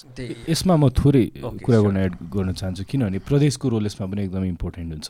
जस्तो हामीले अघिदेखि ओसिआर डिओआईहरूको कुरा गऱ्यौँ नि जुन लेभल अफ करप्सन छ एउटा कम्पनी रेजिस्टर गर्न कति दिन लाग्छ कति एजेन्टलाई पक्रिनुपर्छ कति पैसा खुवाउनुपर्छ त्यो त क्लियर कुरा हो। हामीले सिधै गर्न पनि मिल्छ जस्तो लाग्छ। एकजना एजेन्ट नपक्रिकन ओसिआरमा एउटा काम पनि हुँदैन। त्यस्तो वातावरण छ होइन? अब प्रदेशलाई चाहिँ यो कम्पनीहरूको राइट दिँदै गर्दाखेरि रेजिस्ट्रेसनहरूको राइट दिँदै गर्दाखेरि के सजिलो हुन्छ भने केन्द्रीय सरकारमा त्यो एउटा चलिरहेको सिस्टमलाई चेन्ज गरेर नयाँ बनाउन धेरै गाह्रो हुन्छ। प्रदेशमा फ्रेस स्टार्ट गर्नको लागि रिलेटिभली धेरै सजिलो छ। हामीले डिजिटलाइजेसनको कुरा गर्दै गर्दाखेरि चाहिँ यो कम्पनी रेजिस्ट्रेसनदेखि लिएर ट्याक्स दिने कम्पनी चलाउँदा गर्नुपर्ने सबै लिगल कुराहरू हामीले डिजिटलाइजेसन मा मार्फत हामीले स्टार्ट गर्न चाहिँ प्रदेशमा चाहिँ धेरै सजिलो छ। किनभने फ्रेस स्टार्ट गर्नुपर्ने हो नि त। त्यसलाई स्टार्ट गर्न पनि सजिलो छ र हामीले वान विन्डो पोलिसी चाहिँ हामीले जुन पहिलादेखि धेरैजनाले कुरा गरिराख्नु भएको छ केन्द्रमा गर्न त्यो मलाई तुरुन्तै गर्न त्यति पोसिबल छ जस्तो लाग्दैन। तर प्रदेश चाहिँ भर्खरै सुरु भएको हुनाले हामीले त्यहाँबाट चाहिँ डिजिटलाइजेसन मार्फत वान विन्डो पोलिसी मार्फत स्टार्टअप्सहरूलाई सजिलो गर्नको लागि चाहिँ रेजिस्ट्रेसनदेखि लिएर ट्याक्सदेखि लिएर सबै लिगल कुराहरू चाहिँ एकदम सजिलै त्यसलाई चाहिँ सुरु गर्न सकिन्छ जस्तो लाग्छ। यहाँ दुईवटा कुरा म ठ्याक्कै जोडेर सुरुमा उहाँको त्यो टुरिज्मको कुरा गर्दाखेरि के एउटा इन्ट्रेस्टिङ स्टार्ट के भेटेको थियो भन्दाखेरि तपाईँको नेपालमा जब पर्यटक आउँछ नि एकजना होइन एउटा ग्रुप अब के याद गऱ्यो भने पोखरामा तपाईँ गएर होटल व्य- व्यवसाय व्यवसायीसँग कुरा गर्नुभयो भने पहिलो दिन कसैले राख्न खोज्दैन। जुन दिन झरा छ नि त्यो दिन खर्चै गर्दैन तिनीहरूले। होइन? अनि जब यो हाइकिङ सिद्धिएर आउँछ नि अनि उनीहरू चढेर अनि फिर्ता आउने दिन त्यो दिन चाहिँ राख्नुपर्छ किन त्यो दिन चाहिँ तिनीहरूले खर्च गर्छन् भन्ने छ कि? अनि एभरेजमा तपाईँको चाहिँ कति हुँदो रहेछ भन्दाखेरि यो फोर्टी सेभेन डलर्स मात्रै खर्च गर्छ अरे उनीहरूले? It's only forty seven dollars per day per day per per एउटा ग्रुपमा के? भनेपछि त्यो त हामीले बढाउनु पर्ने हो नि त। तपाईँले भुटान होइन दुई सय पचास होइन? आई थिङ्क दुई टू हन्ड्रेड फिफ्टी हो. भुटानमा। It's like five times higher हो कि किन त्यहाँबाट टुरिस्टबाट गयो यहाँ आएर सुत्ने टुरिस्ट हामीलाई चाहिएको छैन कि साँच्चै भन्यो भने त्यो हिप्पी भगाएको नि त्यसैले नै हो क्या त्यो बेला। सेभेन्टिजमा हिप्पी भगाएको नि त्यसैले हो क्या कि यहाँ आयो सुत्यो खायो बस्यो के गर्ने होइन? हाम्रै खाना खाएको छ हामीलाई पुगेको छैन होइन? हाम्रै खाना खाएर बसिरहेको छ मनचिज गरेर होइन? स्टोन भएर होइन? के? अनि अनि त्यसैले चाहिँ भगाएको हो त्यो बेला। अब अहिले आएर पनि त्यस्तै खालको खर्चै नगरिदिने। यहाँ आयो नेपाल आयो सबै दृश्य हेऱ्यो लास्टमा गएर फुस्सा नेपाललाई के? होइन? वा भनेर मात्रै त पुगेन नि त। पकेर त पैसा पनि त आउनु पऱ्यो नि त। हो त्यसलाई आई थिङ्क त्यो इन्क्रिज कसरी गर्ने? आई थिङ्क पोलिसी अब तपाईँ चाहिँ एमपी हुनुभयो भने केही वा बागमती प्रदेशमा बस्यो भने होटलमा बस्यो भने यति चाहिँ खर्च गर्नुपर्ने। वा तपाईँले एमपी भन्दाखेरि काठमाडौँमा नेपालमा छिर्दाखेरि के हो? मिनिमम यति डलर लिएर आएर खर्च गरेर जानुपर्ने भन्ने खालको यसो पनि लाग्छ मलाई जस्तै होइन टोखाकै कुरा गरौँ हाडी गाउँकै कुरा गरौँ। अलिक कल्चरल ठाउँ भएकोले मैले त्यसमा फोकस मात्र भएको हुँ होइन अर्कै होइन मेरो क्षेत्रमा आउँदै गर्दा। टोखामा जानु पऱ्यो होइन। तपाईँले त्यहाँ रेड लेभल र ब्ल्याक लेभलको सट्टा थोरो ऐलालाई प्रमोट गरौँ न। त्यसलाई ब्रान्डिङ गरौँ न होइन र। रेड लेभल र ब्ल्याक लेभलमा जाने पैसा त थोरो ऐलामा जायो भने त हाम्रो त ठ्याक्कै इन्कम त हाम्रो हुन्छ नि त होइन। रेड लेभल र ब्ल्याक लेभल खाने नेपाल किन आउनु पऱ्यो बाबा? होइन पर्यटकलाई राति मजाले थोरो ऐला खाओस् भोलिपल्ट फ्रेस उठोस् न। हामीलाई ब्रान्डिङ तर फ्रेस उठ्नेवाला चाहियो। मैले एउटा उदाहरण दिएँ होइन। भोलि बिहान चाँडै ट्रेकिङ जानु पऱ्यो होइन त्यो होस् न त्यसपछि पो टोटल इन्कम हाम्रो हुने हो कि? नत्र फेरि बाहिरको ल्याएको भने के चाहिँ हुन्छ र हाम्रो इन्कम? अलिकति एक्स्ट्रा त्यसमा कस्ट मात्र जोडिन्छ अब अब सानै मैले थपेँ अझ होइन। त्यो ठाउँमा पिज्जा र चाउमिनलाई बिस्तारै बिस्तारै ब्यान्ड गरौँ न। हाम्रो चट्टामरी र यमरी यमरीलाई प्रमोट गरौँ न। अनि कलेक्टिभली गरौँ के? एउटा घरले दुईवटा यमरी हरेक दिन बनाउँछ उसलाई दसवटा बनाउँदा ठुलो कुरो। कर्मसँग जोडिएको काम गराउनुपर्छ क्या जहिले पनि। त्यो मान्छेलाई टोखाका मान्छेलाई लगेर बालवाटार अथवा कतै लगेर जब दिने भन्यो भने त्यहीँ प्लेस गराउँछ उसको कर्मसँग जोडिन्छ वेलफेयरसँग जोडिन्छ आम्दानी पनि हुन्छ। अर्को एउटा घरले दुईवटा बाह्र बाह्र ठाउँमा दसवटा बाह्र बनाओस्। सामूहिक रूपमा एउटा सामूहिक हाउस होस् जुन मार्फत चाहिँ उनीहरूले बिक्री वितरण गरोस् सबैले आम्दानी पाउँछ। घर घरमा बस्ने महिलाले आम्दानी पाउनु। वुमेन अन्टरप्रेनर त त्यसरी डेभलप गर्दै जाने हो नि त। हो एक्ज्याक्टली त्यो त्यो- कुरा चाहिँ अग्री पनि गर्छु अनि आई थिङ्क यो यो कुरामा तपाईँलाई अब इन केस तपाईँहरू जित्नुभयो भने एउटा मेरो सजेसन मेरो तर्फबाट होइन? अहिले जुन चाहिँ हाम्रो भ्याट सिस्टम छ नि फर इक्जाम्पल कि? मलाई चाहिँ एकदम प्रब्लमेटिक लाग्छ कि? तपाईँले खानेकुरा बेच्दाखेरि पनि तेह्र पर्सेन्ट भ्याट त्यही रक्सी तपाईँले रेड लेभल ब्ल्याक लेभल भन्नुभयो त्यो Exactly. त्यहाँ चेन्ज गर्नुपर्छ कि खानेकुरा एक पर्सेन्ट त्यो रक्सीमा अट्ठाइस पर्सेन्ट हालौँ न। त्यसपछि लोकल प्रडक्ट त आफै तपाईँको त ऊ भइहाल्छ नि। लभी लभी हो सबै। ल त्यो। होइन? मलाई पनि त्यही लाग्छ किनभने केही कुरा यो मात्र बेच्नु पर्छ भने त्यसरी रेगुलेट गर्ने कुरा चाहिँ म चाहिँ बिलिभ गर्दैन होइन। तर हामीले यसरी इन्सेन्टिभ दिन सकिन्छ। इन्सेन्टिभाइज गर्नु पऱ्यो। मैले त ब्यान नगरौँ हो, भन्छु? जस्तै ऐलालाई होइन तपाईँले चाहिँ भ्याट थोरै राखिदिन सकिन्छ ब्ल्याकले विदेशी रक्सीहरूलाई भ्याट धेरै राख्न राख्न सकिन्छ अनि ऐलाबाट। कमाएको पाँच लाखसम्म ट्याक्स दिनु पऱ्यो ट्याक्स हो, फ्री त्यही त। ब्यान्ड इन्डस्ट्री सर्टेन ठाउँमा स्टेक होल्डरहरू सबै लगाएर सर्टेन ठाउँमा चाहिँ गर्दा बेटर हुन्छ कि? होइन उहाँहरू नै इन्भल्भ गरेर उहाँहरू रेडी हुनु न नागरिक सक्रियताको उहाँहरू इन्भल्भ हुनु न। जहिले पनि बटम टु अप अप्रोच हुनुपर्छ। मेरो एउटा थ्योरी हुनसक्छ होइन? तर बटम टु अप अप्रो आउ- आउँदै गर्दा उहाँहरू एग्री हुनुहुन्छ भने ठिक छ होइन? एग्री हुनुहुन्न भने त। अब यसमा मेरो आफ्नो प्रश्न छ है। मलाई चाहिँ आफैलाई पर्सनली लाग्यो क्या। अब तपाईँहरूले कति अब यसमा चाहिँ तपाईँहरूलाई हेर्नु त भएको छ होला तर मलाई चाहिँ अब हेर्नु भएको छैन भने त्यो तपाईँहरूलाई चाहिँ प्रेसरमा राख्ने खालको क्वेसन चाहिँ होइन। मलाई चाहिँ पर्सनल्ली नेपालमा के लाग्छ अहिले भन्दाखेरि हाम्रो केन्द्रीय सरकार प्रदेशको सरकार र हामी लोकल गभर्नेन्स भन्छौँ नि। यहाँ के भइरहेको छ भन्दाखेरि केन्द्रले चाहिँ अझै पनि तपाईँहरूलाई के लाग्छ थाहा छैन? अझै पनि पावर चाहिँ आफैसँग राख्ने तरिकाले चाहिँ संरचना डेभलप गरेर जस्तो लाग्छ कि। अनि प्रदेशले मलाई one of the may major reason प्रदेशले काम गर्न नसकेको कारण चाहिँ one of the major reason त्यही नै हो जस्तो लाग्छ कि। जति रोल चाहिँ तपाईँले प्रदेशलाई दिनुपर्ने हो त्यो लेभलको रोल चाहिँ नदिएको जस्तो लाग्छ। त्यसलाई चाहिँ कसरी परिवर्तन गर्न सकिन्छ होला? होइन डिसअग्री गर्नुहुन्छ डिसअग्री गर्न पाउनु भयो होइन? तर कसरी परिवर्तन गर्न सकिन्छ होला जस्तो लाग्छ कि मलाई? किन भन्दाखेरि अहिले पनि होइन पुलिस संरचना सिडिओको मार्फतबाट केन्द्रसँगै रहिरहेको छ। जबकि त्यो पुलिस त आफ्नो तरिकाले चल्न पाउनु पर्ने एक तरिकाले होइन कन्ट्रोलमा। तपाईँको अरू सबै कुरा के? इम्पोर्टेन्ट इम्पोर्टेन्ट कुरा सबै केन्द्रले मैले बनाउँछु अनि तिमीहरू चाहिँ हेर्दै बस होइन? रूपमा चाहिँ राख्या देखेँ कि मैले आफ्नो आफूले पर्सनली हेर्दाखेरि। त्यसलाई चाहिँ कसरी चेन्ज गर्न सकिन्छ होला सायद? सुरुमा यो चाहिँ किन भएको भने पहिलाको पाँच वर्ष अगाडिको चुनावमा चाहिँ के भयो भने यो छवटा प्रदेशमा र यो प्रदेश नम्बर दुईमा र अरू बाँकी प्रदेशमा अलिकति डिफ्रेन्ट छ स्टोरी के भयो भने छवटा प्रदेशमा र केन्द्रमा एउटै पार्टीको सरकार बन्यो होइन? दुई जल अलमोस्ट सबै ठाउँमा दुई तिहाईको सरकार बन्यो। त्यसले गर्दा के भयो भने प्रदेश पनि कम्प्लिटली उसको कन्ट्रोलमा केन्द्र पनि कम्प्लिटली उसको कन्ट्रोलमा भइसकेपछि त्यो पावर जहिले पनि पार्टीले चाहिँ सेन्ट्रलाइज गर्न खोज्छ। त्यो किन पोसिबल भयो भने एउटै पार्टीको हातमा चाहिँ सबै भयो। त्यसैले प्रदेश नम्बर दुई अलिकति डिफ्रेन्ट भयो। म एउटा स्टोरी सुनाउँछ जसमा के भएको थियो भनेर।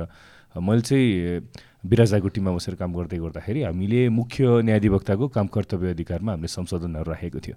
त्यो हामीले कसो संशोधन राख्यौँ भने दाइले अझ राम्रोसँग थाहा हुन्छ राष्ट्र दाइले त्यसमा चाहिँ कर्मचारीहरू खटाउँदाखेरि चाहिँ महान्यायाधिवक्ताको कार्यालयबाट कर्मचारीहरू पठाउने भन्ने प्रावधान थियो। हामीले चाहिँ यसो हेऱ्यौँ त्यसलाई अध्ययन गऱ्यौँ। त्यो गर्दाखेरि प्रदेशमा अलरेडी अब प्र- प्रदेश लोकसेवा आयोग बनाउने भनेको छ प्रदेश न्याय सेवा बनाउने भनेको छ। त्यो बनाउँदाखेरि प्रदेशकै लोकसेवाबाट प्रदेशकै न्याय सेवाबाट यो मुख्य न्यायाधिवक्ताको कार्यालयमा पठाउन त कर्मचारीहरू भनेर संशोधन राखेको थियौँ। त्यो पारित गर्न दिएन उनीहरूले त्यो खारेज गरिदियो थियो किनभने उनीहरूलाई चाहिँ सेन्ट्रलाइज गर्नु थियो क्या माथि माथि महान्यायाधिवक्ताको कार्यालयबाटै पठाउनु पर् पर्ने थियो। जबकि प्रदेश नम्बर दुईमा हामीले जुन संशोधन राख्यौँ त्यो नै पारित भएर रहेछ प्रदेशकै लोकसेवाबाट प्रदेशकै न्याय सेवाबाट चाहिँ प्र- प्रदेश नम्बर दुईको मुख्य न्यायाधि न्यायाधिवक्ताको कार्यालयमा चाहिँ कर्मचारी पठाउन मिल्ने प्रावधान चाहिँ त्यहाँ गरेको रहेछ। त्यसले गर्दाखेरि ओभर टाइम सुरुमा त अब एउटै पार्टीको विम भएकोलाई त्यो भयो। अबको द पाँच वर्षमा अब छुट्टा छुट्टै प्रदेशमा छुट्टा छुट्टै पार्टीले अलिकति बढी इन्फ्लुएन्स गर्ला। त्यसपछिको दस वर्षमा झन् त्यो कुरा चेन्ज होला। फेडरलिजममा त हामी भर्खरै गएको हो। हामी त अब ल स्टुडेन्ट पढ्दै गर्दाखेरि अमेरिकाको फेडरलिजम हामी कति पढ्छौँ नि त। फेडरलिजमको एउटा के भने पायोनियर भने कि मलाई चाहिँ युएस नै हो जस्तो लाग्छ उनीहरूले जुन किसिमले प्र्याक्टिस गर्छ। त्यो गर्दाखेरि उनीहरूको दुई सय तिन सय वर्षको पिरियडमा त कति कुरा भएको छ नि स्टेट स्टेट बिचको कन्फ्लिक्टहरू स्टेट र युनियन बिचको कन्फ्लिक्टहरू धेरैचोटि आयो। त्यो निखार्दा निखार्दा निखार्दा अहिलेको स्टेजमा पुग्यो। नेपालमा पनि यो भर्खरै आएको पाँचै वर्षमा सबै कुरा स्मुथली जान्छ भन्ने कुरा चाहिँ हामीले एक्सपेक्ट गर्न मिल्दैन। ओभर टाइम यसलाई निखारिँदै जाँदाखेरि प्रदेश र केन्द्रमा चाहिँ डिफ्रेन्ट एउटा पार्टीहरूको चाहिँ उनीहरू गभर्न गर्न थालिसकेपछि त्यो अधिकारको बारेमा चाहिँ प्रदेशले आफ्नै ठाउँमा अधिकार धेरै लिन खोज्छ। अधिकार खोज्छ प्रदेशले आफ्नो केन्द्रले आफ्नो अधिकार खोज्छ स्थानीय तहले आफ्नो केन्द्र अधिकार खोज्छ। त्यो गरिसकेपछि मजाले बाँडिन्छ जस्तो लाग्छ मलाई। ओके म पनि त्यसमा चाहिँ एग्री गर्छु एकदमै. यो हामीले प्रडक्सनको कुरा गऱ्यौँ नि अब जनै उताबाट चाइनाबाट आउँछ नेपालमा पनि प्रडक्सन गर्न सकिन्छ भनेर। आई थिङ्क हाम्रो मार्केट नै जसरी फङ्सन गरिरहेछ नि यहाँको प्रड्युस प्रब्लली महँगो छ होला त्यही भएर। तर नेपालको प्रड्युसलाई चाहिँ यो क्वेसनमा पनि आएको थियो। यो नेपालको प्रड्युसलाई चाहिँ अलिकति अपलिफ्ट गर्नको लागि के गर्न सकिन्छ पोलिसी मेन चाहिँ मैले मैले यसमा ठ्याक्कै एड गरिहालेँ है विनायकले भनेको क्वेसनमा अब मेन त इकोनोमिक्स अफ स्केल आउँछ हामीलाई इकोनोमिक्स अफ अब भनौँ न भ्यालेन्टाइन्स डेमा तपाईँको दस करोडको रोज नेपालभित्र छिर्छ। नेपालीहरूले त्यो रोज किन बेच्न सक्दैन भन्दाखेरि त्यो लेभलको. इकोनोमिक्स अफ स्केलमा उनीहरूले प्रडक्सन गर्नै सक्दैन। इन्डियामा मिलियनवटा प्रड्युस गर्छ नेपाल पठाउँदाखेरि सस्तो पर्छ। त्यसले एउटा इस्यु क्रिएट गर्छ जस्तो लाग्छ। होइन? अब अनि तपाईँ नेपाली नेपाली सामान के? अब म नेपाली सामान प्रमोट गरौँ भनेर जान खोज्छु। यसो हेर्छु साइडमा। त्यहाँ अर्को सामान खै खैरेको अब खैरे नै भन्नु खैरे अलिक से उस होइन? विदेशी सामान सरी होइन? विदेशी सामानहरू चाहिँ होइन एकदम। देख्छु। भन्छ प्राइस अनि नेपाली सामान भन्दाखेरि दुई सय रुपियाँ नेपाली महँगो पर्छ। अनि यसो सोध्छु किन्नम कि नकिन्नम भने हुन्छ नि त्यो। अब सेम मैले त्यही. एक्जाम्पल मात्रै राखेँ। कसरी त्यसलाई चाहिँ हामीले ब्यालेन्स आउट गर्ने कि? अब ट्याक्स बढायो भने कन्ज्युमरको विरुद्ध भयो हेर्नुहोस्। होइन किन भन्दाखेरि कन्ज्युमरले त सस्तोमा पाउनु पऱ्यो नि त क्वालिटी सामान। भेरी ट्रु होइन? हामी त हामी त कन्ज्युमर हौँ। होइन? अन्टरप्रोनरको हिसाबमा हो नेपालको सामान किन्दे भन्ने आफ्नो ठाउँमा होला भने कन्ज्युमरलाई त के हो? क्वालिटी सामान सबभन्दा चिपेस्ट प्राइसमा as a consumer why would I हुन्छ नि मैले किन चाहिँ अब नेपाली सामान किन्ने वा कसरी चाहिँ नेपाली सामानलाई प्रवर्धन गर्न सकिन्छ इन्स्टेड अफ दिज यो फरेन कम्पनीज भनौँ न बेसिकली त्यो केसमा चाहिँ अब जस्तै जनेकै केसमा कुरा गर्नुपर्दा पनि होइन अलिकति बढी ट्याक्स लाउँदैमा केही पनि बिग्रिँदैन जस्तो लाग्छ त्यस्तो त्यस्तो प्रडक्टहरूको लागि होइन। किनभने अल्टिमेटली त फरेन रिजर्भको कुरो पनि हुन्छ होइन नेपाली मार्केटलाई बचाउनु पर्ने कुरा पनि हुन्छ। हामीले बचाउ हामीले हाम्रो मार्केटलाई नबचाउँदै गर्दा होइन बिस्तारै बिस्तारै बिस्तारै बिस्तारै टोटल्ली हामी अरूमा डिपेन्डेन्ट हुन बाध्य हुन्छौँ होइन। कहिलेकाहीँ चाहिँ अरूमा कम्प्लिटली डिपेन्डेन्सी हुनुभन्दा अलिकति बढी कस्ट दिँदैमा चाहिँ केही पनि बिग्रिँदैन बिग्रिँदैन जस्तो लाग्छ है मलाई। त्यो चाहिँ हामीले जर्मनहरूले पहिला होइन आफ्नो देश बन्दै गरेर वर्ल्ड वारमा त ध्वस्त भयो नि त जर्मनी होइन तर नाइन्टिन फोर्टिन फाइभमा ध्वस्त भयो नाइन्टिन फोर्टी नाइनमा आउँदासम्म यति धेरै कर्मचारी चाहियो अरे कि होइन वर्ल्डभरिबाट खोज्न थाल्यो अरे कि उनीहरूले के गर्थ्यो अरे बरु अलिकति महँगै पऱ्यो भने आफ्नै देशको प्रडक्ट लिउँ त्यति चाहिँ हामीमा त्यति चाहिँ हुनुपर्छ है। यसमा चाहिँ मलाई के लाग्छ भने होइन फरेन गुडमा ट्याक्स बढाउनुभन्दा पनि डोमेस्टिक कम्पनीहरूलाई ट्याक्स सब्सिडी दिनु चाहिँ I think it's a better idea किनभने तपाईँले भने जसरी नै त्यो गर्नु भनेको कन्ज्युमर राइटको अगेन्स्टमा हुन्छ लाग्छ हेभिली ट्याक्स बढाउनु अनि अर्को कुरा भने चाहिँ नेपालले कुन ठाउँमा चाहिँ फरेन मार्केटसँग कम्पिट गर्न सक्छ? त्यो कुरालाई चाहिँ हामीले आइडेन्टिफाई गर्नुपर्छ जस्तो लाग्छ। जस्तो टेक्सटाइलमा हामीले बङ्गलादेश चाइनासँग कम्पिट नै गर्न सक्दैन। सो त्यो ठाउँमा चाहिँ होइन म नेपाली प्रडक्सनलाई चाहिँ प्रवर्धन गर्छु भन्न खोज्नु चाहिँ I don't think it make sense तर एग्रिकल्चर प्रडक्सनहरूमा त हामीले चाइना इन्डियालाई कम्पिट गर्न सक्छ होला नि त कति ठाउँमा। सो फर्स्ट कुरा चाहिँ हामी के कुरामा चाहिँ इन्टरनेसनल मार्केटहरूसँग कम्पिट गर्न सक्छ त्यो आइडेन्टिफाई गरेर त्यो प्रडक्टलाई चाहिँ हामीले प्रमोट गऱ्यो भने I think it makes better sense त्यसमा मैले जोड्न मौलिक प्रडक्ट मैले भन्न खोजेको चाहिँ सर्टेन प्रडक्ट भन्नाले मौलिक प्रडक्ट भन्न सर्टेन एग्रिकल्चर मौलिक प्रडक्ट हुनसक्छ होइन। त्यसमा चाहिँ हामीले कम्पिट गर्न ठुल्ठुलो फ्याक्ट्रीसँग त पक्कै चाइना इन्डियासँग हामी डेफिनेटली कम्पिट गर्न सक्छौँ मलाई एउटा के देख्दाखेरि बोर लागेको थियो भन्दाखेरि एक दिन चाहिँ आजभन्दा मे पाँच छ वर्ष अगाडि होला त्यो त्यो प्रडक्ट फ्लप पनि खायो होला अब अहिलेसम्म खाना त मलाई थाहा छैन है त्यो के छ आजकल देख्दिनँ उसमा। छ्याङ भनेर भने वाउ नेपालीले छ्याङ क्यानमा हालिदियो। वाउ भने यसरी कोरियनले पो रहेछ। थुइक्क भयो मलाई चाहिँ। होइन? नेपालीले किन क्यानमा हालेन यार। नेपालीले क्यानमा क्यानमा हालेर बेच्या भयो हुन्थ्यो नि त। हामीले कोरियनलाई पैसा दिनु रहेछ आफ्नो छ्याङको लागि यार। के हो यो भनेर मलाई चाहिँ त्यो हुन्छ नि। पेटेन्ट पनि फाइल गराएर रहेछ। छ्याङको उनीहरूले पेटेन्ट छ भने कोरियन कोरियन कम्पनीसँग। पेटेन्ट? किन पेटेन्ट? कसरी? मैले पढेको एक एउटा ठाउँमा होइन दुईवटा कुरा छ। एउटा चाहिँ त्यो छ्याङ लेखेको त्यो वर्डको कपिराइट हजुर। अर्को उनीहरूको डिजाइनमा हो कि केमा पेटेन्ट छ। कपिराइट कसरी गर्न पाउँछ त्यस्तो मौलिक। शब्दमा? त्यो भएको भन्ने मैले कहाँ पढेको थिएँ। अब म हामी मुद्दा लड्नु पर्ला भएन यो यो। जिआई भए पनि लिनुपर्छ कि हामी त्यो त होइन जियोग्राफिकल इन्डिकेटर हो हाम्रो त्यो त लिन मिल्ने अब इन्डियाले त्यत्रो दुःख गरेर तपाईँको बासमती चाहिँ अमेरिकाबाट लिएर आयो नि त। बासमती तिमीहरूको होइन साउथ एसियाको रिजनको त्यसैले छ्याङ हो, हाम्रो लड्नु अब छ्याङको लागि लड्नु पर्यो अब हामीहरू। अनि यो सबै कुराको अल्टिमेट चाहिँ कहाँ सेन्ट्रलाइज नागरिक। त्यो पनि हो अनि ल्याक अफ पोलिटिकल भिजन के? होइन? यो गर्न सकियो। यी सबै त सामान्य कुरा हुन् नि त। खास के त्यस्ता रकेट साइन्स ठुल्ठुला कुरा केही पनि छैनन् क्या। सामान्य सामान्य कुरा हो। स्टेप बाई स्टेप गर्दै जाने कुरा हो होइन? अब यो सुरुवात हुनुपर्छ। कम्तीमा अब हामी जस्तो आयो भने चाहिँ सुरु हुन्छ। आफ्नो कोर कम्पिटेन्सी आइडेन्टिफाई गरेर त्यसमा चाहिँ काम गर्नु हो, पर्यो exactly, हुन्छ। हो। ल अर्को एउटा क्वेसन छ। डिजिटल आइडेन्टिटी प्रिजर्भेसनको के प्लान छ? As in government are now keeping our personal data online and it can be breached easily and hacker can misuse it in various way यसमा चाहिँ मेरोभन्दा सुशान्तजीको अलिकति बढी होला एक्सपर्टिज अँ, एकचोटि फेरि रिपिट गरिदिनुहोस् त बेसिकली म भनिदिन्छु इलेक्सन कमिसनले हाम्रो सबै डेटा ओपन राखिदिएको छ। हो। हाम्रो त्यो डेटा हेरेर कुनै पनि मान्छेले इजिली स्क्रेप गरेर तपाईँले चाह्यो भने अस्ति भर्खर इन्डिया भर्सेस नेपालको तपाईँको ह्याकरको पुच्चे पुच्चे ह्याकरहरूको वार भयो। त्यो बेला नेपालको सबै गभर्मेन्ट वेबसाइट डिफेस भयो। त्यस्तो lack of security low security भएको एजेन्सीहरूले हाम्रो डेटा कसरी सेफ राख्ने र तपाईँले कस्तो digital policy privacy special digital प्राइभेसीको एरियामा कस्तो पोलिसी चाहिँ इन गर्नुभएको छ कस्तो सोच्नु भएको छ भनेर? अब बेसिकली त्यसरी राख्नु। मलाई चाहिँ अब गभर्मेन्टले जुन हिसाबले यसरी डेटाहरू ओपनली राखेको छ पहिलो कुरा त त्यसरी राख्नै हो त्यो एकदम गलत हो होइन? त्यो त राख्नै नहुने कुरो हो नि त। त्यति त्यति कमन सेन्स चाहिँ हामीमा हुनुपर्छ जस्तो लाग्छ होइन? अनि त्योभन्दा बाहेक चाहिँ गभर्मेन्टले त सर्टेन एउटा कम्पनीलाई अल्टिमेटली टेन्डरै दिने हो त्यो होइन? त्यस्तो चाहिँ एकदम स्ट्रङ राख्नुपर्छ। नत्र त्यो स्ट्रङ नराख्दै गर्दा चाहिँ एक त कन्सल्टेन्टहरूलाई टेन्डरहरू जो जसलाई दिन्छ कम्पनीहरूलाई दिन्छ तिनीहरू स्ट्रङ नभएसम्म चाहिँ राज्यको त्यो प्राइभेसी चाहिँ हाम्रो जो जो गभर्मेन्ट लेभलको मान्छेलाई सजेस्ट गर्ने त्यही कन्सल्टेन्टले सजेस्ट गर्ने होइन? तिनीहरू चाहिँ कम्पिटेन्ट राख्नुपर्छ। अनि बल्ल त्यसपछि यो सबै यो सुरुवात हुन्छ जस्तो मलाई लाग्छ होइन? मैले चाहिँ यो यो कुरामा चाहिँ सात आठ वर्ष भयो कि। मैले साइबर ल पढाउनु थालेँ। नि हरेक वर्ष आठ वर्षदेखि एउटै कुरा भनिरहेको छु कि किनभने किन कानुन चेन्ज बसेन.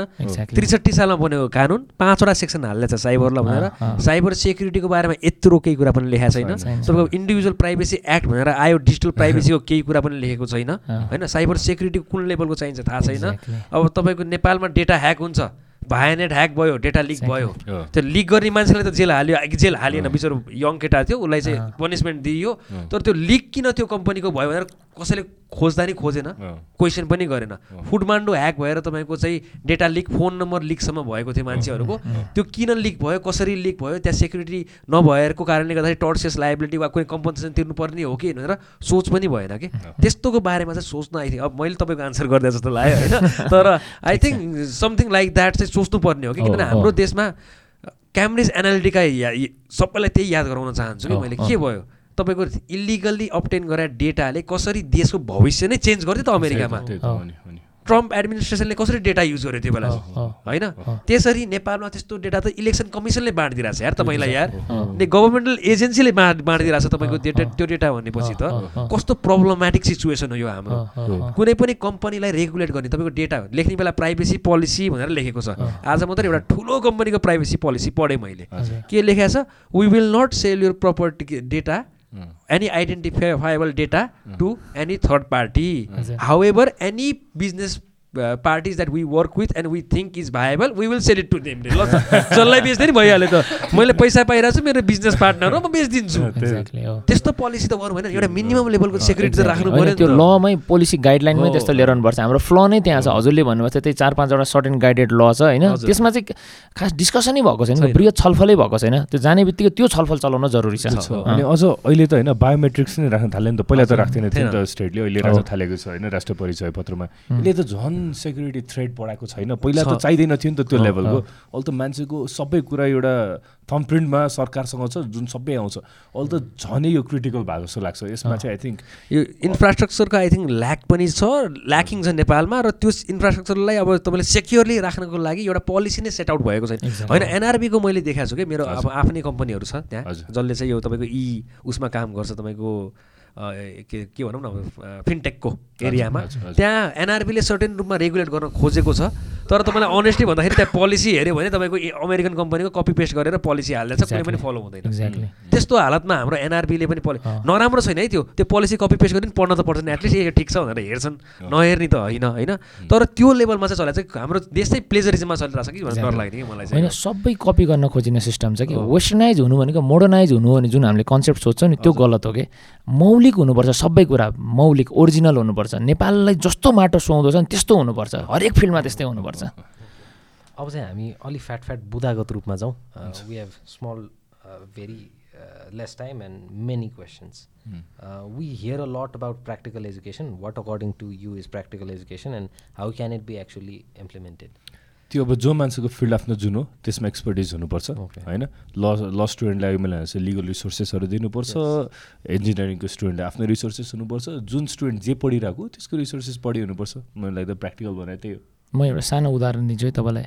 मलाई टेन क्लासमा एसएलसीमा टु थाउजन्ड सिक्सटी वानमा दिएको। अहिलेसम्म पनि डिफाइन वान सेकेन्डको याद छ कि? म म पनि त्यही ब्याच मलाई थाहा छ। One second can be define as the time taken by caesium one three three to make the vibration of nine one nine two six three one seven seven zero and is equal to one upon eighty six thousand four hundred part of the यो शिक्षा चाहिँ हाम्रो देशमा होइन। त्यही भएर completely अन्टरप्रिनरसँग related हुनु पऱ्यो शिक्षा। कम्प्लिटली अन्टरप्रिनर व्यवहारिक हुनु पऱ्यो होइन। व्यवहारिक इन अ सेन्स अब जस्तै कुनै स्थानीय तहमा जस्तै काठमाडौँ महानगरपालिकाको तहमा कस्तो कुरालाई प्रमोट गर्दा ठिक हुन्छ? त्यहाँ अलिकति अलिकति एक्स्ट्रा त त्यो त्यो करिकुलम हुनुपर्छ होइन? ललितपुरमा कस्तो हुनुपर्छ? डोल्पामा कस्तो हुनुपर्छ? जुम्लामा कस्तो हुनुपर्छ? त्यसपछि बल्ल प्र्याक्टिकल मान्छे बनिन्छ। अब यसमा सरी है म म त फेरि मलाई यस्तै हो म कि यसमा चाहिँ ल पढाए थाहा छ नि? म अब आई बिन डेढ वर्ष भयो म ल कलेजको प्रिन्सिपल भएको होइन? अनि ल कलेजमा काम गरेको मेरो नौ वर्ष भयो अब। एक्ज्याक्टली होइन? अनि त्यो पर्दाखेरि मैले म पढेर आएँ बाहिर यहाँ हेर्छु अनि क्वेसन हेर्छु कि? What is what is why is होइन? अनि मैले त्यहाँ एक्जाम कसरी दिएर आएको? त डिफेन्स लयर होस् यो मान्छेले यसलाई चक्कु हान्यो चक्कु त्यहाँ भेटियो तर उसको फिङ्गर प्रिन्ट भेटिएन। त डिफेन्स लयर होस् यसलाई डिफेन्ड गर ल। एक्ज्याक्टली क्वेसन त लयरलाई त्यो हुनुपर्ने हो नि त। एजुकेसन त त्यहाँबाट आउनु पर्ने त. कर्पोरेट लयर होस्। होइन कर्पोरेट लयर होस् यसको ट्याक्स छलीमा यस्तो मुद्दा परेको छ। अब सकेसम्म ट्याक्स बचाइदिए यसको कसरी गर्छस्. त्यो हो नि त सिक्नुपर्ने त. तर हाम्रो एजुकेसन के छ? Corporate what is corporate tax explain five types of corporate tax. And how will you होइन मलाई त म्याथमेटिक्स अहिले पनि पजल जस्तो लाग्छ। पजल सल्भ गरेको जस्तो कि यताको म्याथमेटिक्स होइन? हजुरले भन्नुभयो जस्तै बाहिरको एनालिटिकल चिज ठ्याक्र्याक्क कसरी के सोच्ने भन्ने सिकाउँदैन। कसरी सोच्ने भन्ने सिकाउँछ क्या? ओके नेक्स्ट क्वेसन अर्को क्वेसन यो इन्ट्रेस्टिङ छ एकदमै। Nobody knows what the world and job market will look like in two thousand forty so nobody knows what to teach young people today consequently what kind of skills do kids need to obtain in school त्यो त every education system every सिस्टमले चाहिँ नयाँ सिस्टममा adapt गर्न चाहिँ एकदम चाँडो गर्न सक्ने क्षमता हुनुपर्छ। त्यति हो। Okay globalize world digitalize world हो अन्टरप्रिनरको वर्ल्ड हो होइन पक्कै पनि भविष्यमा त्यही नै कन्टिन्यू हुँदै जाने हो। त्यसको अलिकति विस्तृत सफिस्टिकेटेड पार्टमा त हुँदै जाने त्यही भएर त्योसँग रिलेटेड हुँदै जानुपर्छ। सुशान्त दाईलाई अप्रिसिएसन आछ सुशान्त युर भिजन अफ नागरिक सक्रियता addresses the fundamental issue of our contemporary politics रे। थ्याङ्क यू सुयोग श्रेष्ठले भन्नु हजुर what is your opinion on taxation on vehicles okay सायद मोस्ट इलेक्ट्रिक भेहिकलसँग रिलेटेड हो। Maybe two sixty two seventy. Degree नै हुनु यो तपाईँको 270 यो. भेहिकल ट्याक्स पनि सुरुमा होइन यो इलेक्ट्रिक गाडीमा ट्याक्स बढाउँदाखेरि मलाई चित्त बुझाएको थिएन होइन? तर पछि यसो सोच्दै जाँदाखेरि सर्टेन कुराहरू छ जुन इट मेक सेन्स किनभने इलेक्ट्रिक कारको इक्जाम्पल दिँदाखेरि किया निरो मेरो फ्यामिलीले किया निरो ओन गर्छ किया निरोको international मार्केटको price about forty three forty five thousand US dollars होइन? नेपालमा लगभग सत्तरी लाख जति पर्थ्यो। हेर्दाखेरि सत्तरी लाख नेपालबाट बाहिर नेपाली पैसा होइन? चाल तर इन्टरनेसनल मार्केटमा चालिस हजार युएस डलर भनिसकेपछि चालिस हजार युएस डलर त नेपालबाट बाहिर गइरहेछ सत्तरी लाखमा गाडी पाइरहेछ। नेपालमा त्यही पेट्रोलबाट सत्तरी लाखमा किन्यो भने त्यसको इन्टरनेसनल प्राइस भनेको ten thousand twelve thousand US डलर्सको गाडीलाई चाहिँ सत्तरी लाख जति पर्न जान्छ। त्यो भनेको तपाईँको एक त ने थोरै पैसामा धेरै बाहिर गइरहेछ होइन? मैले भन्नु खोजेको चाहिँ अब फोर्टी थाउजन्ड युएस डलर बाहिर गयो नेपालमा सत्तरी लाख पर्ने गाडीमा। त्यही गाडी चाहिँ अरूले पेट्रोलवाला किन्यो भने त्यसको जम्मा दस हजार युएस डलर चाहिँ बाहिर गयो। सो एकदमै कम भयो भने पनि नेपाली पैसा बाहिर त जाने हो जतिखेर फरेन रिजर्भ चाहिँ एकदमै कम छ नेपालमा। सो इभी भन्ने बित्तिकै त्यसमा ट्याक्स कम्प्लिटली बन्द गर्नु भने नि डजन्ट मेक सेन्स इक्विलिब्रियम चाहिँ खोज्नुपर्छ। र भेहिकल ट्याक्स त अब नेपालको सडकले स्पेसली काठमाडौँको सडकले त गाडी तान्नै सक्दैन। भेहिकल ट्याक्स त अहिले जुन छ I think it make sense मेरो लागि चाहिँ। होइन म कम्प्लिटली एग्री यो केसमा केही पनि हो छैन। ठिक छ। ओके स्ट्रङ क्वेसन के हो यो? What if you are offered insanely huge amount just to suppress your voice what would you do in that case ए त्यो आन्सर गरिराख्नुपर्छ जस्तो मलाई- लाग्दैन। मलाई दिन्छ गर्नुपर्छ। अब भन्नु त। ए तपाईँलाई दिन्छ मलाई कति कति दिने? है। गलत मान्छेलाई बोलाएछ podcast-मा। होइन मलाई यसमा चाहिँ मैले दुईजनाको एड्रेस गरिदिन्छु होइन। उहाँ पनि एकदम म्यासिभ बाहिरको अपर्च्युनिटी छोडेर आउनु पैसाको हिसाबले छोडेर आउनुभएको हो। होइन मैले म पनि म्यासिभली अब उदाहरणलाई सेन्ट पढेँ बाहिर याकब्स पढेँ मेरो ब्याचमेटहरू Google Microsoft Apple Harvard university Princeton सबमा टप नप साइन्टिस्टको रूपमा काम गरेको एकदम म्यासिभली धेरै छन् होइन? सो मन्थली एकदम राम्रो एमाउन्ट कमाउँछन्। त्यो सबै छोडेर आएको छु। उहाँले पनि त्यस्तो सबै अपर्च्युनिटी छोडेर राज्यलाई देशलाई केही गर्नुपर्छ भनेर आउनुभएको छ। त्यही भएर मलाई लाग्दैन यस्तो। प्लस पोलिटिकल पार्टीहरूले पनि अब सायद सुशान्तजीलाई पनि गर्नुभएको थियो होला मलाई पनि गर्नुभएको छ।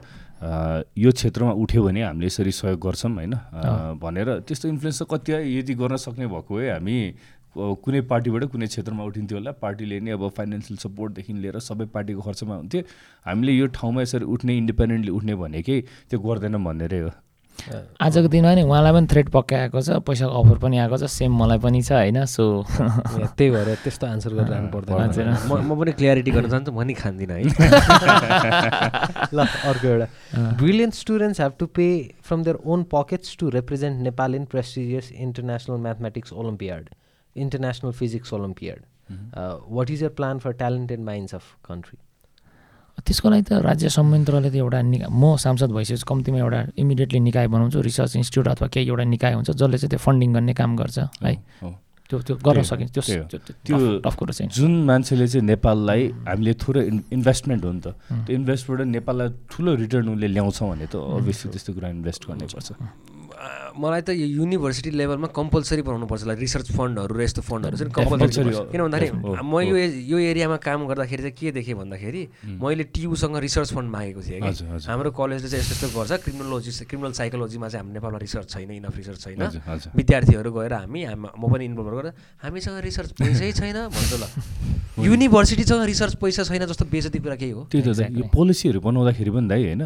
ल स्कुलहरूको रोल कस्तो इम्पोर्टेन्ट हुन्छ नि? बाहिर हामीले हेऱ्यौँ भने त हार्वर्ड युनिभर्सिटीहरू अनि राम्रो ल स्कुल जुन जुन छ उनीहरूलाई इन्भल्भ गराएर पोलिसी बनाउँछ नि त्यसैले युनिभर्सिटीको रिसर्च फन्ड उनीहरूलाई रिसर्च गर्ने कुरा सबै इन्जि लमा मात्र होइन इन्जिनियरिङ साइन्स सबै फिल्डमा युनिभर्सिटी भनेको त इट्स नट गएर पढ्ने कुरा मात्र होइन रिसर्च सेन्टर हो क्या त्यो भनेको जुनले चाहिँ राज्यले युज गर्नुपर्छ। त्यहाँबाट इन्फर्मेसन निचर्नुपर्छ राज्यले।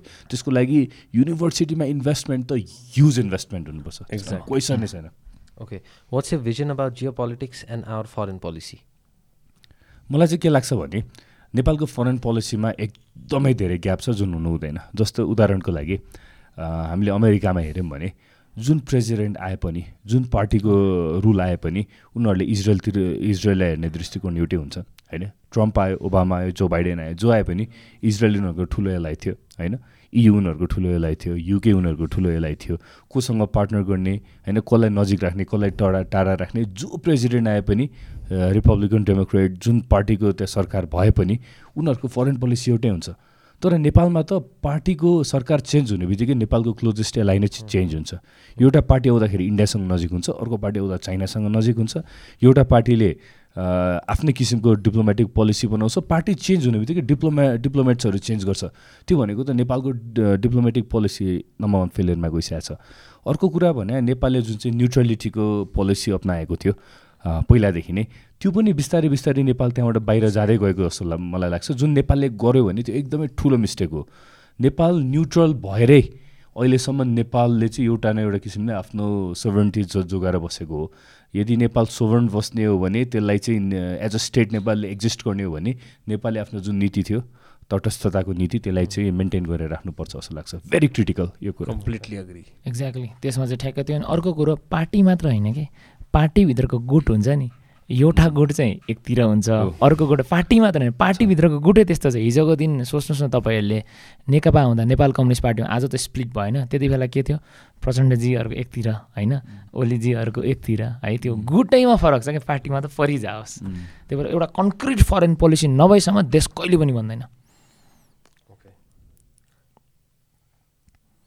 फ्युचरमा प्राइम मिनिस्टर ब बन्यो भने के गर्न सकिन्छ अरे? यतै होला। प्राइम मिनिस्टर बन्यो भने पहिला अहिले भन्नुभएको जस्तै कन्क्रिट जियो पोलिटिकल नीति कन्क्रिट फरेन पोलिसीको नीति अन्टरप्रेनरसिपसँग एउटा नीति डिजिटलाइजेसनको एउटा कन्क्रिट नीति होइन? हरेक फिल्डमा चाहिँ एउटा कन्क्रिट नीति अप्नाएर चाहिँ राज्य बनाउने हो। त्यही भएर सबभन्दा इम्पोर्टेन्ट कुरा नीति नै हो। सबै कानुन नि हामीले जति पनि पोलिसी बनाएको छ त्यसलाई एक्जिक्युसनमा लान झन् धेरै सजिलो हुन्छ। प्राइम मिनिस्टर भयो भने प्रिटी मच त्यही हो। Exactly okay who inspires you Sushant Jire random question अब यसमा चाहिँ मेरो दुईजना हजुरबाले मलाई इन्सपायर गर्नुहुन्छ। मेरो घरको हजुरबा चाहिँ प्रोफेसर डक्टर हुनुहुन्थ्यो। उहाँ पचासजना प्रोफेसरलाई अमेरिकामा ट्यु इस्टाब्लिस गर्न पठाएको मध्ये मेरो हजुरबा पनि वान अफ देम हुनुहुन्थ्यो। महेन्द्र राजाले चाहिँ त्यो टाइममा पचासजना प्रोफेसरलाई युएस पठाउनु भएको थियो एउटा फन्ड फाउन्डेसन अन्तर्गत अनि मेरो हजुरबाले एजुकेसन डिपार्टमेन्ट लिड गर्नुभएको। सो नेपालमा एजुकेसन डिपार्टमेन्ट आजको स्थितिमा ल्याउनुमा चाहिँ हजुरबाको ठुलो रोल छ सो मेरो घरको हजुरबालाई गरेँ अनि अर्को मामा घरको हजुरबा चाहिँ आफ्नो टाइममा काङ्ग्रेसको जिल्ला सभापति हुनुहुन्थ्यो। उहाँको अन्डरमा चाहिँ सुशील कोइराला हुनुहुन्थ्यो सुरुमा है। तत्कालीन प्रधानमन्त्री सुशील कोइराला हुन्थ्यो। रा राणा शासन विरुद्ध उहाँले एकदम कडा रूपमा लड लड्नु भएको थियो। त्यो पञ्चायत काल विरुद्ध पनि लड्नु भएको थियो। सो उहाँहरूको कथा गाथाहरू सुन्दाखेरि दुवै हजुरबा मेरो इन्सपायर इन्सपिरेसन हुनुहुन्छ। ओके। केटिएम केटिएमको एमपीले केटिएमको मात्र सोचेर हुन्छ र देशभरिको बारेमा थाहा हुनु पर्दैन र अनि सोच्नु पर्दैन। नीति नियम बनाउँदा त काठमाडौँदेखि दार्चुलाको विकट गाउँको बारे नै सोच्नु पऱ्यो नि। होइन डेफ डेफिनेटली त्यो त्यो प्रब्लम छैन तर मैले स्पेसली क्षेत्र नम्बर पाँचलाई एउटा मोडल बनाएर अरूलाई प्रेसर दिने भन्ने कुरामा एउटा सानो संक्षेपमा मात्र आज भनेको मेरो सबै उसमा नीति छ। म उहाँलाई पछि बरु डिटेल एड्रेस पनि गरौँला। हो त्यो त्यसमा आफ्नो क्षेत्रमा चाहिँ अझ विशेष उसले प्रतिनिधित्व गर्नुपर्छ किनभने आफ्नो क्षेत्रको भोटरहरूको भोइस भएर गएको हो सो आफ्नो क्षेत्रमा विशेष हुनुपर्छ। तर बन्दै गर्दाखेरि म बागमती प्रदेशको सांसद बन्दै गर्दाखेरि बागमती प्रदेशलाई नै मैले हित हुने काम गर्नुपर्छ। उहाँ चाहिँ अब सङ्घीयको हुँदा नेपालभरिको सोच्नुपर्छ। Okay how much money have you spend for this election till now मेरो त अब खासै केही पनि छैन। साथीहरूले चाहिँ केही स्पोन्सर गरेर झन्डा त्यस्तो त्यस्तोलाई स्पोन्सर गरेर मेरो पर्सनल त तपाईँको यो पुरै इलेक्सन सकिँदा बढीमा बिस पच्चिस हजारभन्दा बढी हुँदैन। सामान्य खर्चहरू छ है त्यही हो। मैले चाहिँ तिन लाखसम्म राखेको छु जिरोदेखि एन्डसम्म। मेरो धेरै पैसा चाहिँ पर्चाहरूमा खर्च भएको छ। मैले सबै ट्रान्सपरेन्ट राखेको छु। एन्ड हुँदासम्म मैले तिन लाख राखेको छु। ओके। अर्को सोधिहालेँ ल एकैछिन। अहिले त बेसिक डिजिटाइजेसन डिजिटलाइजेसन पुस गर्नुपर्छ जुन स्ट्यान्डिङ मिनिस्टर र पोलिटिसियन्सले गर्न पनि सक्दैनन्. बट डेफिनेटली तपाईँ जस्तो क्यान्डिडेटले गराउन सक्छन् भन्नेमा हामी विश्व विश्वस्त छौँ. एप्रिसिएसन है यो भोट बाँडिने कुराहरू आइरहेको छ यो एड्रेस भइसक्यो मैले सोधिनँ है।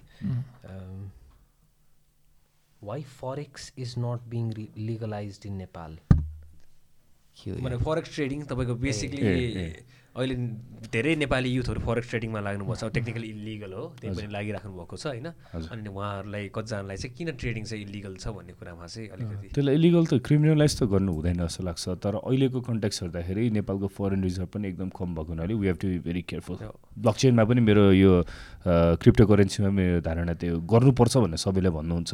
तर नेपालको फरेन रिजर्भ हेर्दाखेरि हामीले त्यति हतारमा तुरुन्तै गर्न सक्ने स्थिति चाहिँ मैले देखाएको छैन। मेरो चाहिँ यसमा एउटा मात्रै काउन्टर आर्ग्युमेन्ट चाहिँ के हुन्थ्यो भन्दा क्रिप्टोको केसमा चाहिँ क्रिप्टो एटलिस्ट भित्राउने पोलिसी चाहिँ ल्याउनु हो पऱ्यो त्यो। त्यो त्यो डेफिनेटली डेफिनेटली जसरी फरेन रिजर्भ चाहिँ हामीले भित्राउने पोलिसी लिएर आएको छौँ नि। एनएफटी नेपाली आर्टिस्टलाई एनएफटी बेचेर क्रिप्टो आओस् कि नेपालमा त्यसलाई। एक्सचेन्ज गर्ने त्यो त पर्यो त्यो त पर्यो तर म, त्यो क्रिप्टो किन्दाखेरि नेपाली करेन्सी वात्तै बाहिर जाने त्यो मेकानिजमलाई नरोकेसम्म चाहिँ हामी हतार गर्नु हुँदैन भन्न मात्र फेरि। एकचोटि एउटा चङ्कमा फेल भयो भने त स्वाट्टै जान्छ त। अहिले right now Nepal is not in the right situation. To legalize cryptocurrency completely. Right situation पनि होइन तर एटलिस्ट भित्राउन चाहिँ दिनुपर्छ जस्तो लाग्छ long टर्ममा we have to be open about it policy बनाउँदै जानुपर्छ तत्काल चाहिँ सकिन्न। ओके अर्को एउटा interesting question is Gagan Thapa better and eligible candidate for PM post रे डेफिनेटली शेरबहादुर देवाजी भन्दा चाहिँ हो नै होइन? त्यसमा चाहिँ म एग्री गर्छु है। तर कोसँग कम्पेयर गर्ने रिलेटिभली कोसँग कम्पेयर यदि काङ्ग्रेसको आउँछ भने अरूको तुलनामा म मान्छु होइन? तर अब कोसँग कम्पेयर गर्नेमा भर पर्छ।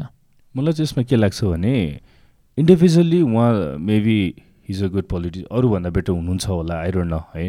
तर उहाँ काङ नेपाली काङ्ग्रेसको रिप्रेजेन्ट गरेर प्राइम मिनिस्टर बन्दै गर्दाखेरि जति अहिले शेरबहादुर देवालले गर्नुभएको छ त्योभन्दा थोरै बढी उहाँले गर्न सक्नुहुन्छ होला। तर पार्टीभित्रको त्यो गिजलोले गर्दाखेरि उहाँलाई काम गर्न दिँदैन जस्तो लाग्छ मलाई चाहिँ। पार्टीहरूको उदाहरणको लागि हरेक सरकारी कार्यालयमा पार्टीको पोलिटिकल युनियनको बोर्ड झुन्डेको हुन्छ नि। उहाँले त्यसलाई कसरी गर्नुहुन्छ? ग- गगन दाइले पनि मैले अहिलेसम्म म उहाँबाट एकदम मेरो इन्सपिरेसन नै one of the first inspiration र म राजनीतिमा आउनुको कारण गगन दाई पनि हो। तर म उहाँले अरू के भनेको सुन्न चाहन्छु भने यो राजनीतिक युनियनहरू खारेज गर्ने भनेको सुन्न चाहन्छु। यो अरू जुन चाहिँ पनि नेपाली कङ्ग्रेससँग अफिलिएटेडहरू सङ्घ संस्था छ जुन चाहिँ राजनीतिक नेचर छ तिनीहरूलाई खारेज गऱ्यो भने चाहिँ एक लेभलमा गगन थापा प्राइम मिनिस्टर हुनुभयो भने उहाँले काम गर्न सक्नुहुन्छ जस्तो लाग्छ। अहिलेकै कन्डिसनमा उहाँ प्राइम मिनिस्टर भए पनि त्यस्तो ठुलो केही चेन्ज उहाँले ल्याउनु हुन्छ जस्तो चाहिँ मलाई लाग्दैन। मलाई चाहिँ जेनेरेसन सिफ्टको हिसाबले चाहिँ मैले भने कम्तीमा एउटा जेनेरेसन सिफ्ट चाहिँ हुनुपर्छ है। त्यो त्यो त्यो चाहिँ पर्यो। किन भन्दाखेरि बत्तिस वर्षदेखि यार पावरमा बसेको. अहिलेका बुढाहरू यार। दिक्क लागिसक्यो कि। म जन्म्या थिइनँ म बुढो हुन थालिसकेँ यार। पावरै छोड्दैन यार छोड्दैन। त्यो चाहिँ हेर्दाखेरि चाहिँ देउवाभन्दा त गगन थापा। मच बेटर अँ, त्यसमा त अँ। क्वेसन छ। तर एउटा सानो कुरा तपाईँलाई म भन्न चाहन्छु। स्वतन्त्र किन भनेर भन्छन् जहिले पनि होइन? स्वतन्त्रले पहिलो काम के गर्छ जस्तो लाग्छ थाहा छ तपाईँलाई? भोलिको दिन ल कङ्ग्रेसको मेजोरिटी आएर होइन? गगन दाई जस्तो र गगन दाई र विश्वप्रकाश दाई जस्तोले शेरबहादुर देवालाई प्रधानमन्त्रीको रूपमा प्रस्ताव गर्दै गर्दा हामी जस्तो स्वतन्त्रले भन्ने हो कि अर्को जेनेरेसनको मान्छे लिएर चाहिँ नत्र हुँदैन है भनेर। त्यो त देखियो नि। बालेन शाह काठमाडौँको मेयरको क्यान्डिडेट हुँदै गर्दाखेरि एमाले काउन्टर गर्न सुनिता डङ्गोलाई उठाउनु पऱ्यो नि। त्यो त्यो उहाँले भनेको एकदमै अन पोइन्ट हामी जस्तो मान्छे त्यहाँ गयौँ भने देउवाको साटो होइन गहन थापाहरू जस्तो मान्छे प्राइम मिनिस्टर बन्ने बाटो चाहिँ मेरो यो whole इलेक्सनबाट at the end of the day मेरो चाहिँ आफ्नो स्वार्थ के छ भन्दाखेरि कतिजनाले जित्नुहुन्छ जित्नु हुँदैन मलाई थाहा छैन कि। तर एटलिस्ट तर्साइदिनुहोस् है। यिनीहरूलाई तर्साइदिनुहोस् कि नेक्स्ट टाइमदेखि यार यिनीहरूलाई पावर दिन त सिध्याइदिने रहेछन् भने तर्साउन चाहिँ तर्साउनु पऱ्यो। मेरो चाहिँ मेरो एकदम मनमा छ नि होइन जित्नुहोस् एकदम बबाल हजुर। हजुर। यदि जित्नै छैन भने पनि तर्साउने चाहिँ हुनु पऱ्यो हामीहरूले कि। हो। फ्रेस थुर थुर थुर थुर काम दिनु हुनु पऱ्यो कि एउटा पोलिटिकल डिस्कोर्स चाहिँ सुरु गर्नुपर्छ क्या। Okay. how can we expect you to transfer our uh, transform our country when you have never come across in any way across us in any way? We literally don't have any idea where you guys come from. He, uh, uh तपाईँ voter सोध्नु भयो कि। होइन so basically भनेको त्यही नै होला तपाईँको नेपालको कुन चाहिँ कुनामा छु हामीले कहिले पनि चिना छैन भन्दाखेरि कुन चाहिँ नेतालाई चिना छ र भन्ने भनिदिएर। त्यसमा चाहिँ सानो मैले मेरो कन्टेक्स्ट जोड्दाखेरि होइन हामी हराएको पक्कै थिएन उहाँले आफ्नो हिसाबले काम गर्दै हुनुहुन्थ्यो खालि मिडियाबाजीमा नआएको मात्र मैले आफ्नो हिसाबले काम गर्थेँ मेरो बारेमा भन्नुपर्दा नेपाल आइसकेपछि चालिसवटा भन्दा बढी दुर्गम जिल्लाहरूमा घुमेँ त्यो जिल्लाहरूमा सोलर प्लान्टको सेटअप गर्ने कामहरू गऱ्यो त्यो प्लान्ट सेटअप गर्दै गर्दा आइटी ल्याब त्यो प्लान्टहरू सेटअप गरेर आइटी ल्याबहरू सेटअप गर्ने काम गऱ्यो जब पहिलोचोटि मैले लमजुङको एउटा एकदम दुर्गम गाउँमा ठ्याक्राक्क कम्प्युटर खोल्दाखेरि बच्चाको मुहारमा जुन मुस्कान देखेँ नि त्यो म कहिले पनि बिर्सिन सक्दिनँ। त्यस्ता कामहरू हामीले गऱ्यौँ गरेका छौँ है हाइलाइटमा नआऊ त्यसै गरी सोलर वाटर पम्पिङको कन्सेप्टहरू लिएर लिएर आएर पाँच सयभन्दा बढी कृषकहरूलाई इरिगेसन च्यानलहरू मिलाउने काम गरौँ। पचास फिट मुनि तपाईँको पानी खल्ल बगिरहेछ पचास फिट माथि जग्गा बन्जर छ होइन? सोलर वाटर पम्पिङको कन्सेप्ट लिएर त्यो काम गरौँ। अनि आइटीको फिल्डमा पनि तपाईँको सरकारी संयन्त्रलाई चाहिने विभिन्न सफ्टवेयरहरू हुन्छ जुन जुन टेक्निकल्ली एडभान्स छ जुन जुन नेसेसिटी छ त्यस्तो कामहरू पनि गऱ्यौँ सो हामीले डेफिनेटली गरेका छौँ। हराएर अचानक आउट अफ नोयर आएको चाहिँ होइनौँ खालि आजको दिन पोलिटिकल्ली हामी जस्तो युथले हस्तक्षेप गर्नै पर्छ भने प्रत्यक्ष राजनीतिमा आएको। तपाईँहरूलाई थ्याङ्क यू फर द्याट हजुर। Last question Sasmit are you single सिसन दाई सोधिदिनु न प्लिज सिसन दाईले पास गरिदिनु होला हजुर। हजुर। सिजन दाइले सोध्नै भएन एन्सर गर्ने कि नभन्ने? यता पास गरिदिइसक्नु भयो। If you not comfortable I understand totally यस्तो मैले आफूले गर्ने भन्दा पनि यो भनेको अहिले इलेक्सनको उसमा छ त्यसै बढी फोकस गरौँ जस्तो लाग्छ। I am I was single singular mind goal भन्नु पऱ्यो होइन म यो देशको प्रतिमा mean committed relationship with Nepal. Bagmati प्रदेश for now that's my answer election पछि पनि so just in case you don't know होइन? इफ एनी वान सेज कि they are in committed relations with Nepal वा कसैले खुलाउँदैन भने they are not single single छन् सिङ्गल छु भन्छन् केटाहरूले। I think it was great talking to both of you you, है thank you very much. Thank you so much for the insights. All the very best तपाईँहरूलाई thank you and I hope you guys win हस् thank you so much definitely हामी जित्दैछौँ। Every स्वतन्त्रहरूले हामी। जित्दैछौँ। स्वतन्त्रले मेरो काम भने स्वतन्त्र। मेरो मैले भने स्वतन्त्रले के देश हल्लाउनु पर्यो एकदम यसपालि। एकदम हल्लाउनु Exactly. पर्यो। एकदमै हल्लाउनु कस्तो। रमाइलो भयो त आइदिनु। The actually welcome to random Nepali channel त्यो क्यामेरा हेरेर welcome to paradigm podcast channel thank you I think thank you so much धेरै रमाइलो भयो। Will sign off. Thank you so much केही. लास्ट वर्ड्स मैले चाहिँ भोटरलाई अपिल गर्न चाहन्छु देशभरिको भोटरहरूलाई मङ्सिर चार भनेको एक दिन एक युगमा एक दिन एकचोटि आउँछ त्यही भएर ठन्डा दिमागले सबैजनाले सोचौँ धेरै दिन छैन हेर्नुहोस्। पाँच वर्ष टाउकोमा हात राख्नुभन्दा अब केही दिन चाहिँ आफ्नो जो जो क्यान्डिडेट हुनुहुन्छ तिनीहरूलाई राम्ररी मनन गरौँ राम्ररी चिनौँ तिनीहरूको ब्याकग्राउन्डहरू र मन बदलाउँ मत बदलाउँ धन्यवाद। मैले एकदम राम्रोसँग समअप गरिदिनु हो। समग्र भोटरलाई त त्यही हो। मेरो क्षेत्रको भोटरलाई चाहिँ म अझ विशेष अपिल गर्न चाहन्छु। पाँच कमा क्षेत्र नम्बर पाँचको प्रदेशसभामा जति पनि क्यान्डिडेटहरू उठ्नु भएको छ त्यो क्यान्डिडेटहरू सबैजनाको ब्याकग्राउन्ड राम्रोसँग हेरौँ। उहाँको पाँच वर्षको भिजन उहाँले के के राख्नु भएको छ के गर्छु भन्नुभएको छ र उहाँले भन्नुभएको कुरा उहाँको राइट्स एन्ड ड्युटिजले त्यो गर्न दिन्छ कि दिँदैन त्यो हेर्नुहोस्। सबै क्यान्डिडेटको राम्रोसँग ब्याकग्राउन्ड चेक गरेर चाहिँ vote for the best candidate मेरो ठाउँमा चाहिँ I feel I'm the I'm that candidate thank you okay thank you राष्ट्र दाई केही छ तपाईँलाई? मलाई केही छैन म। Okay, then we'll sign off for today.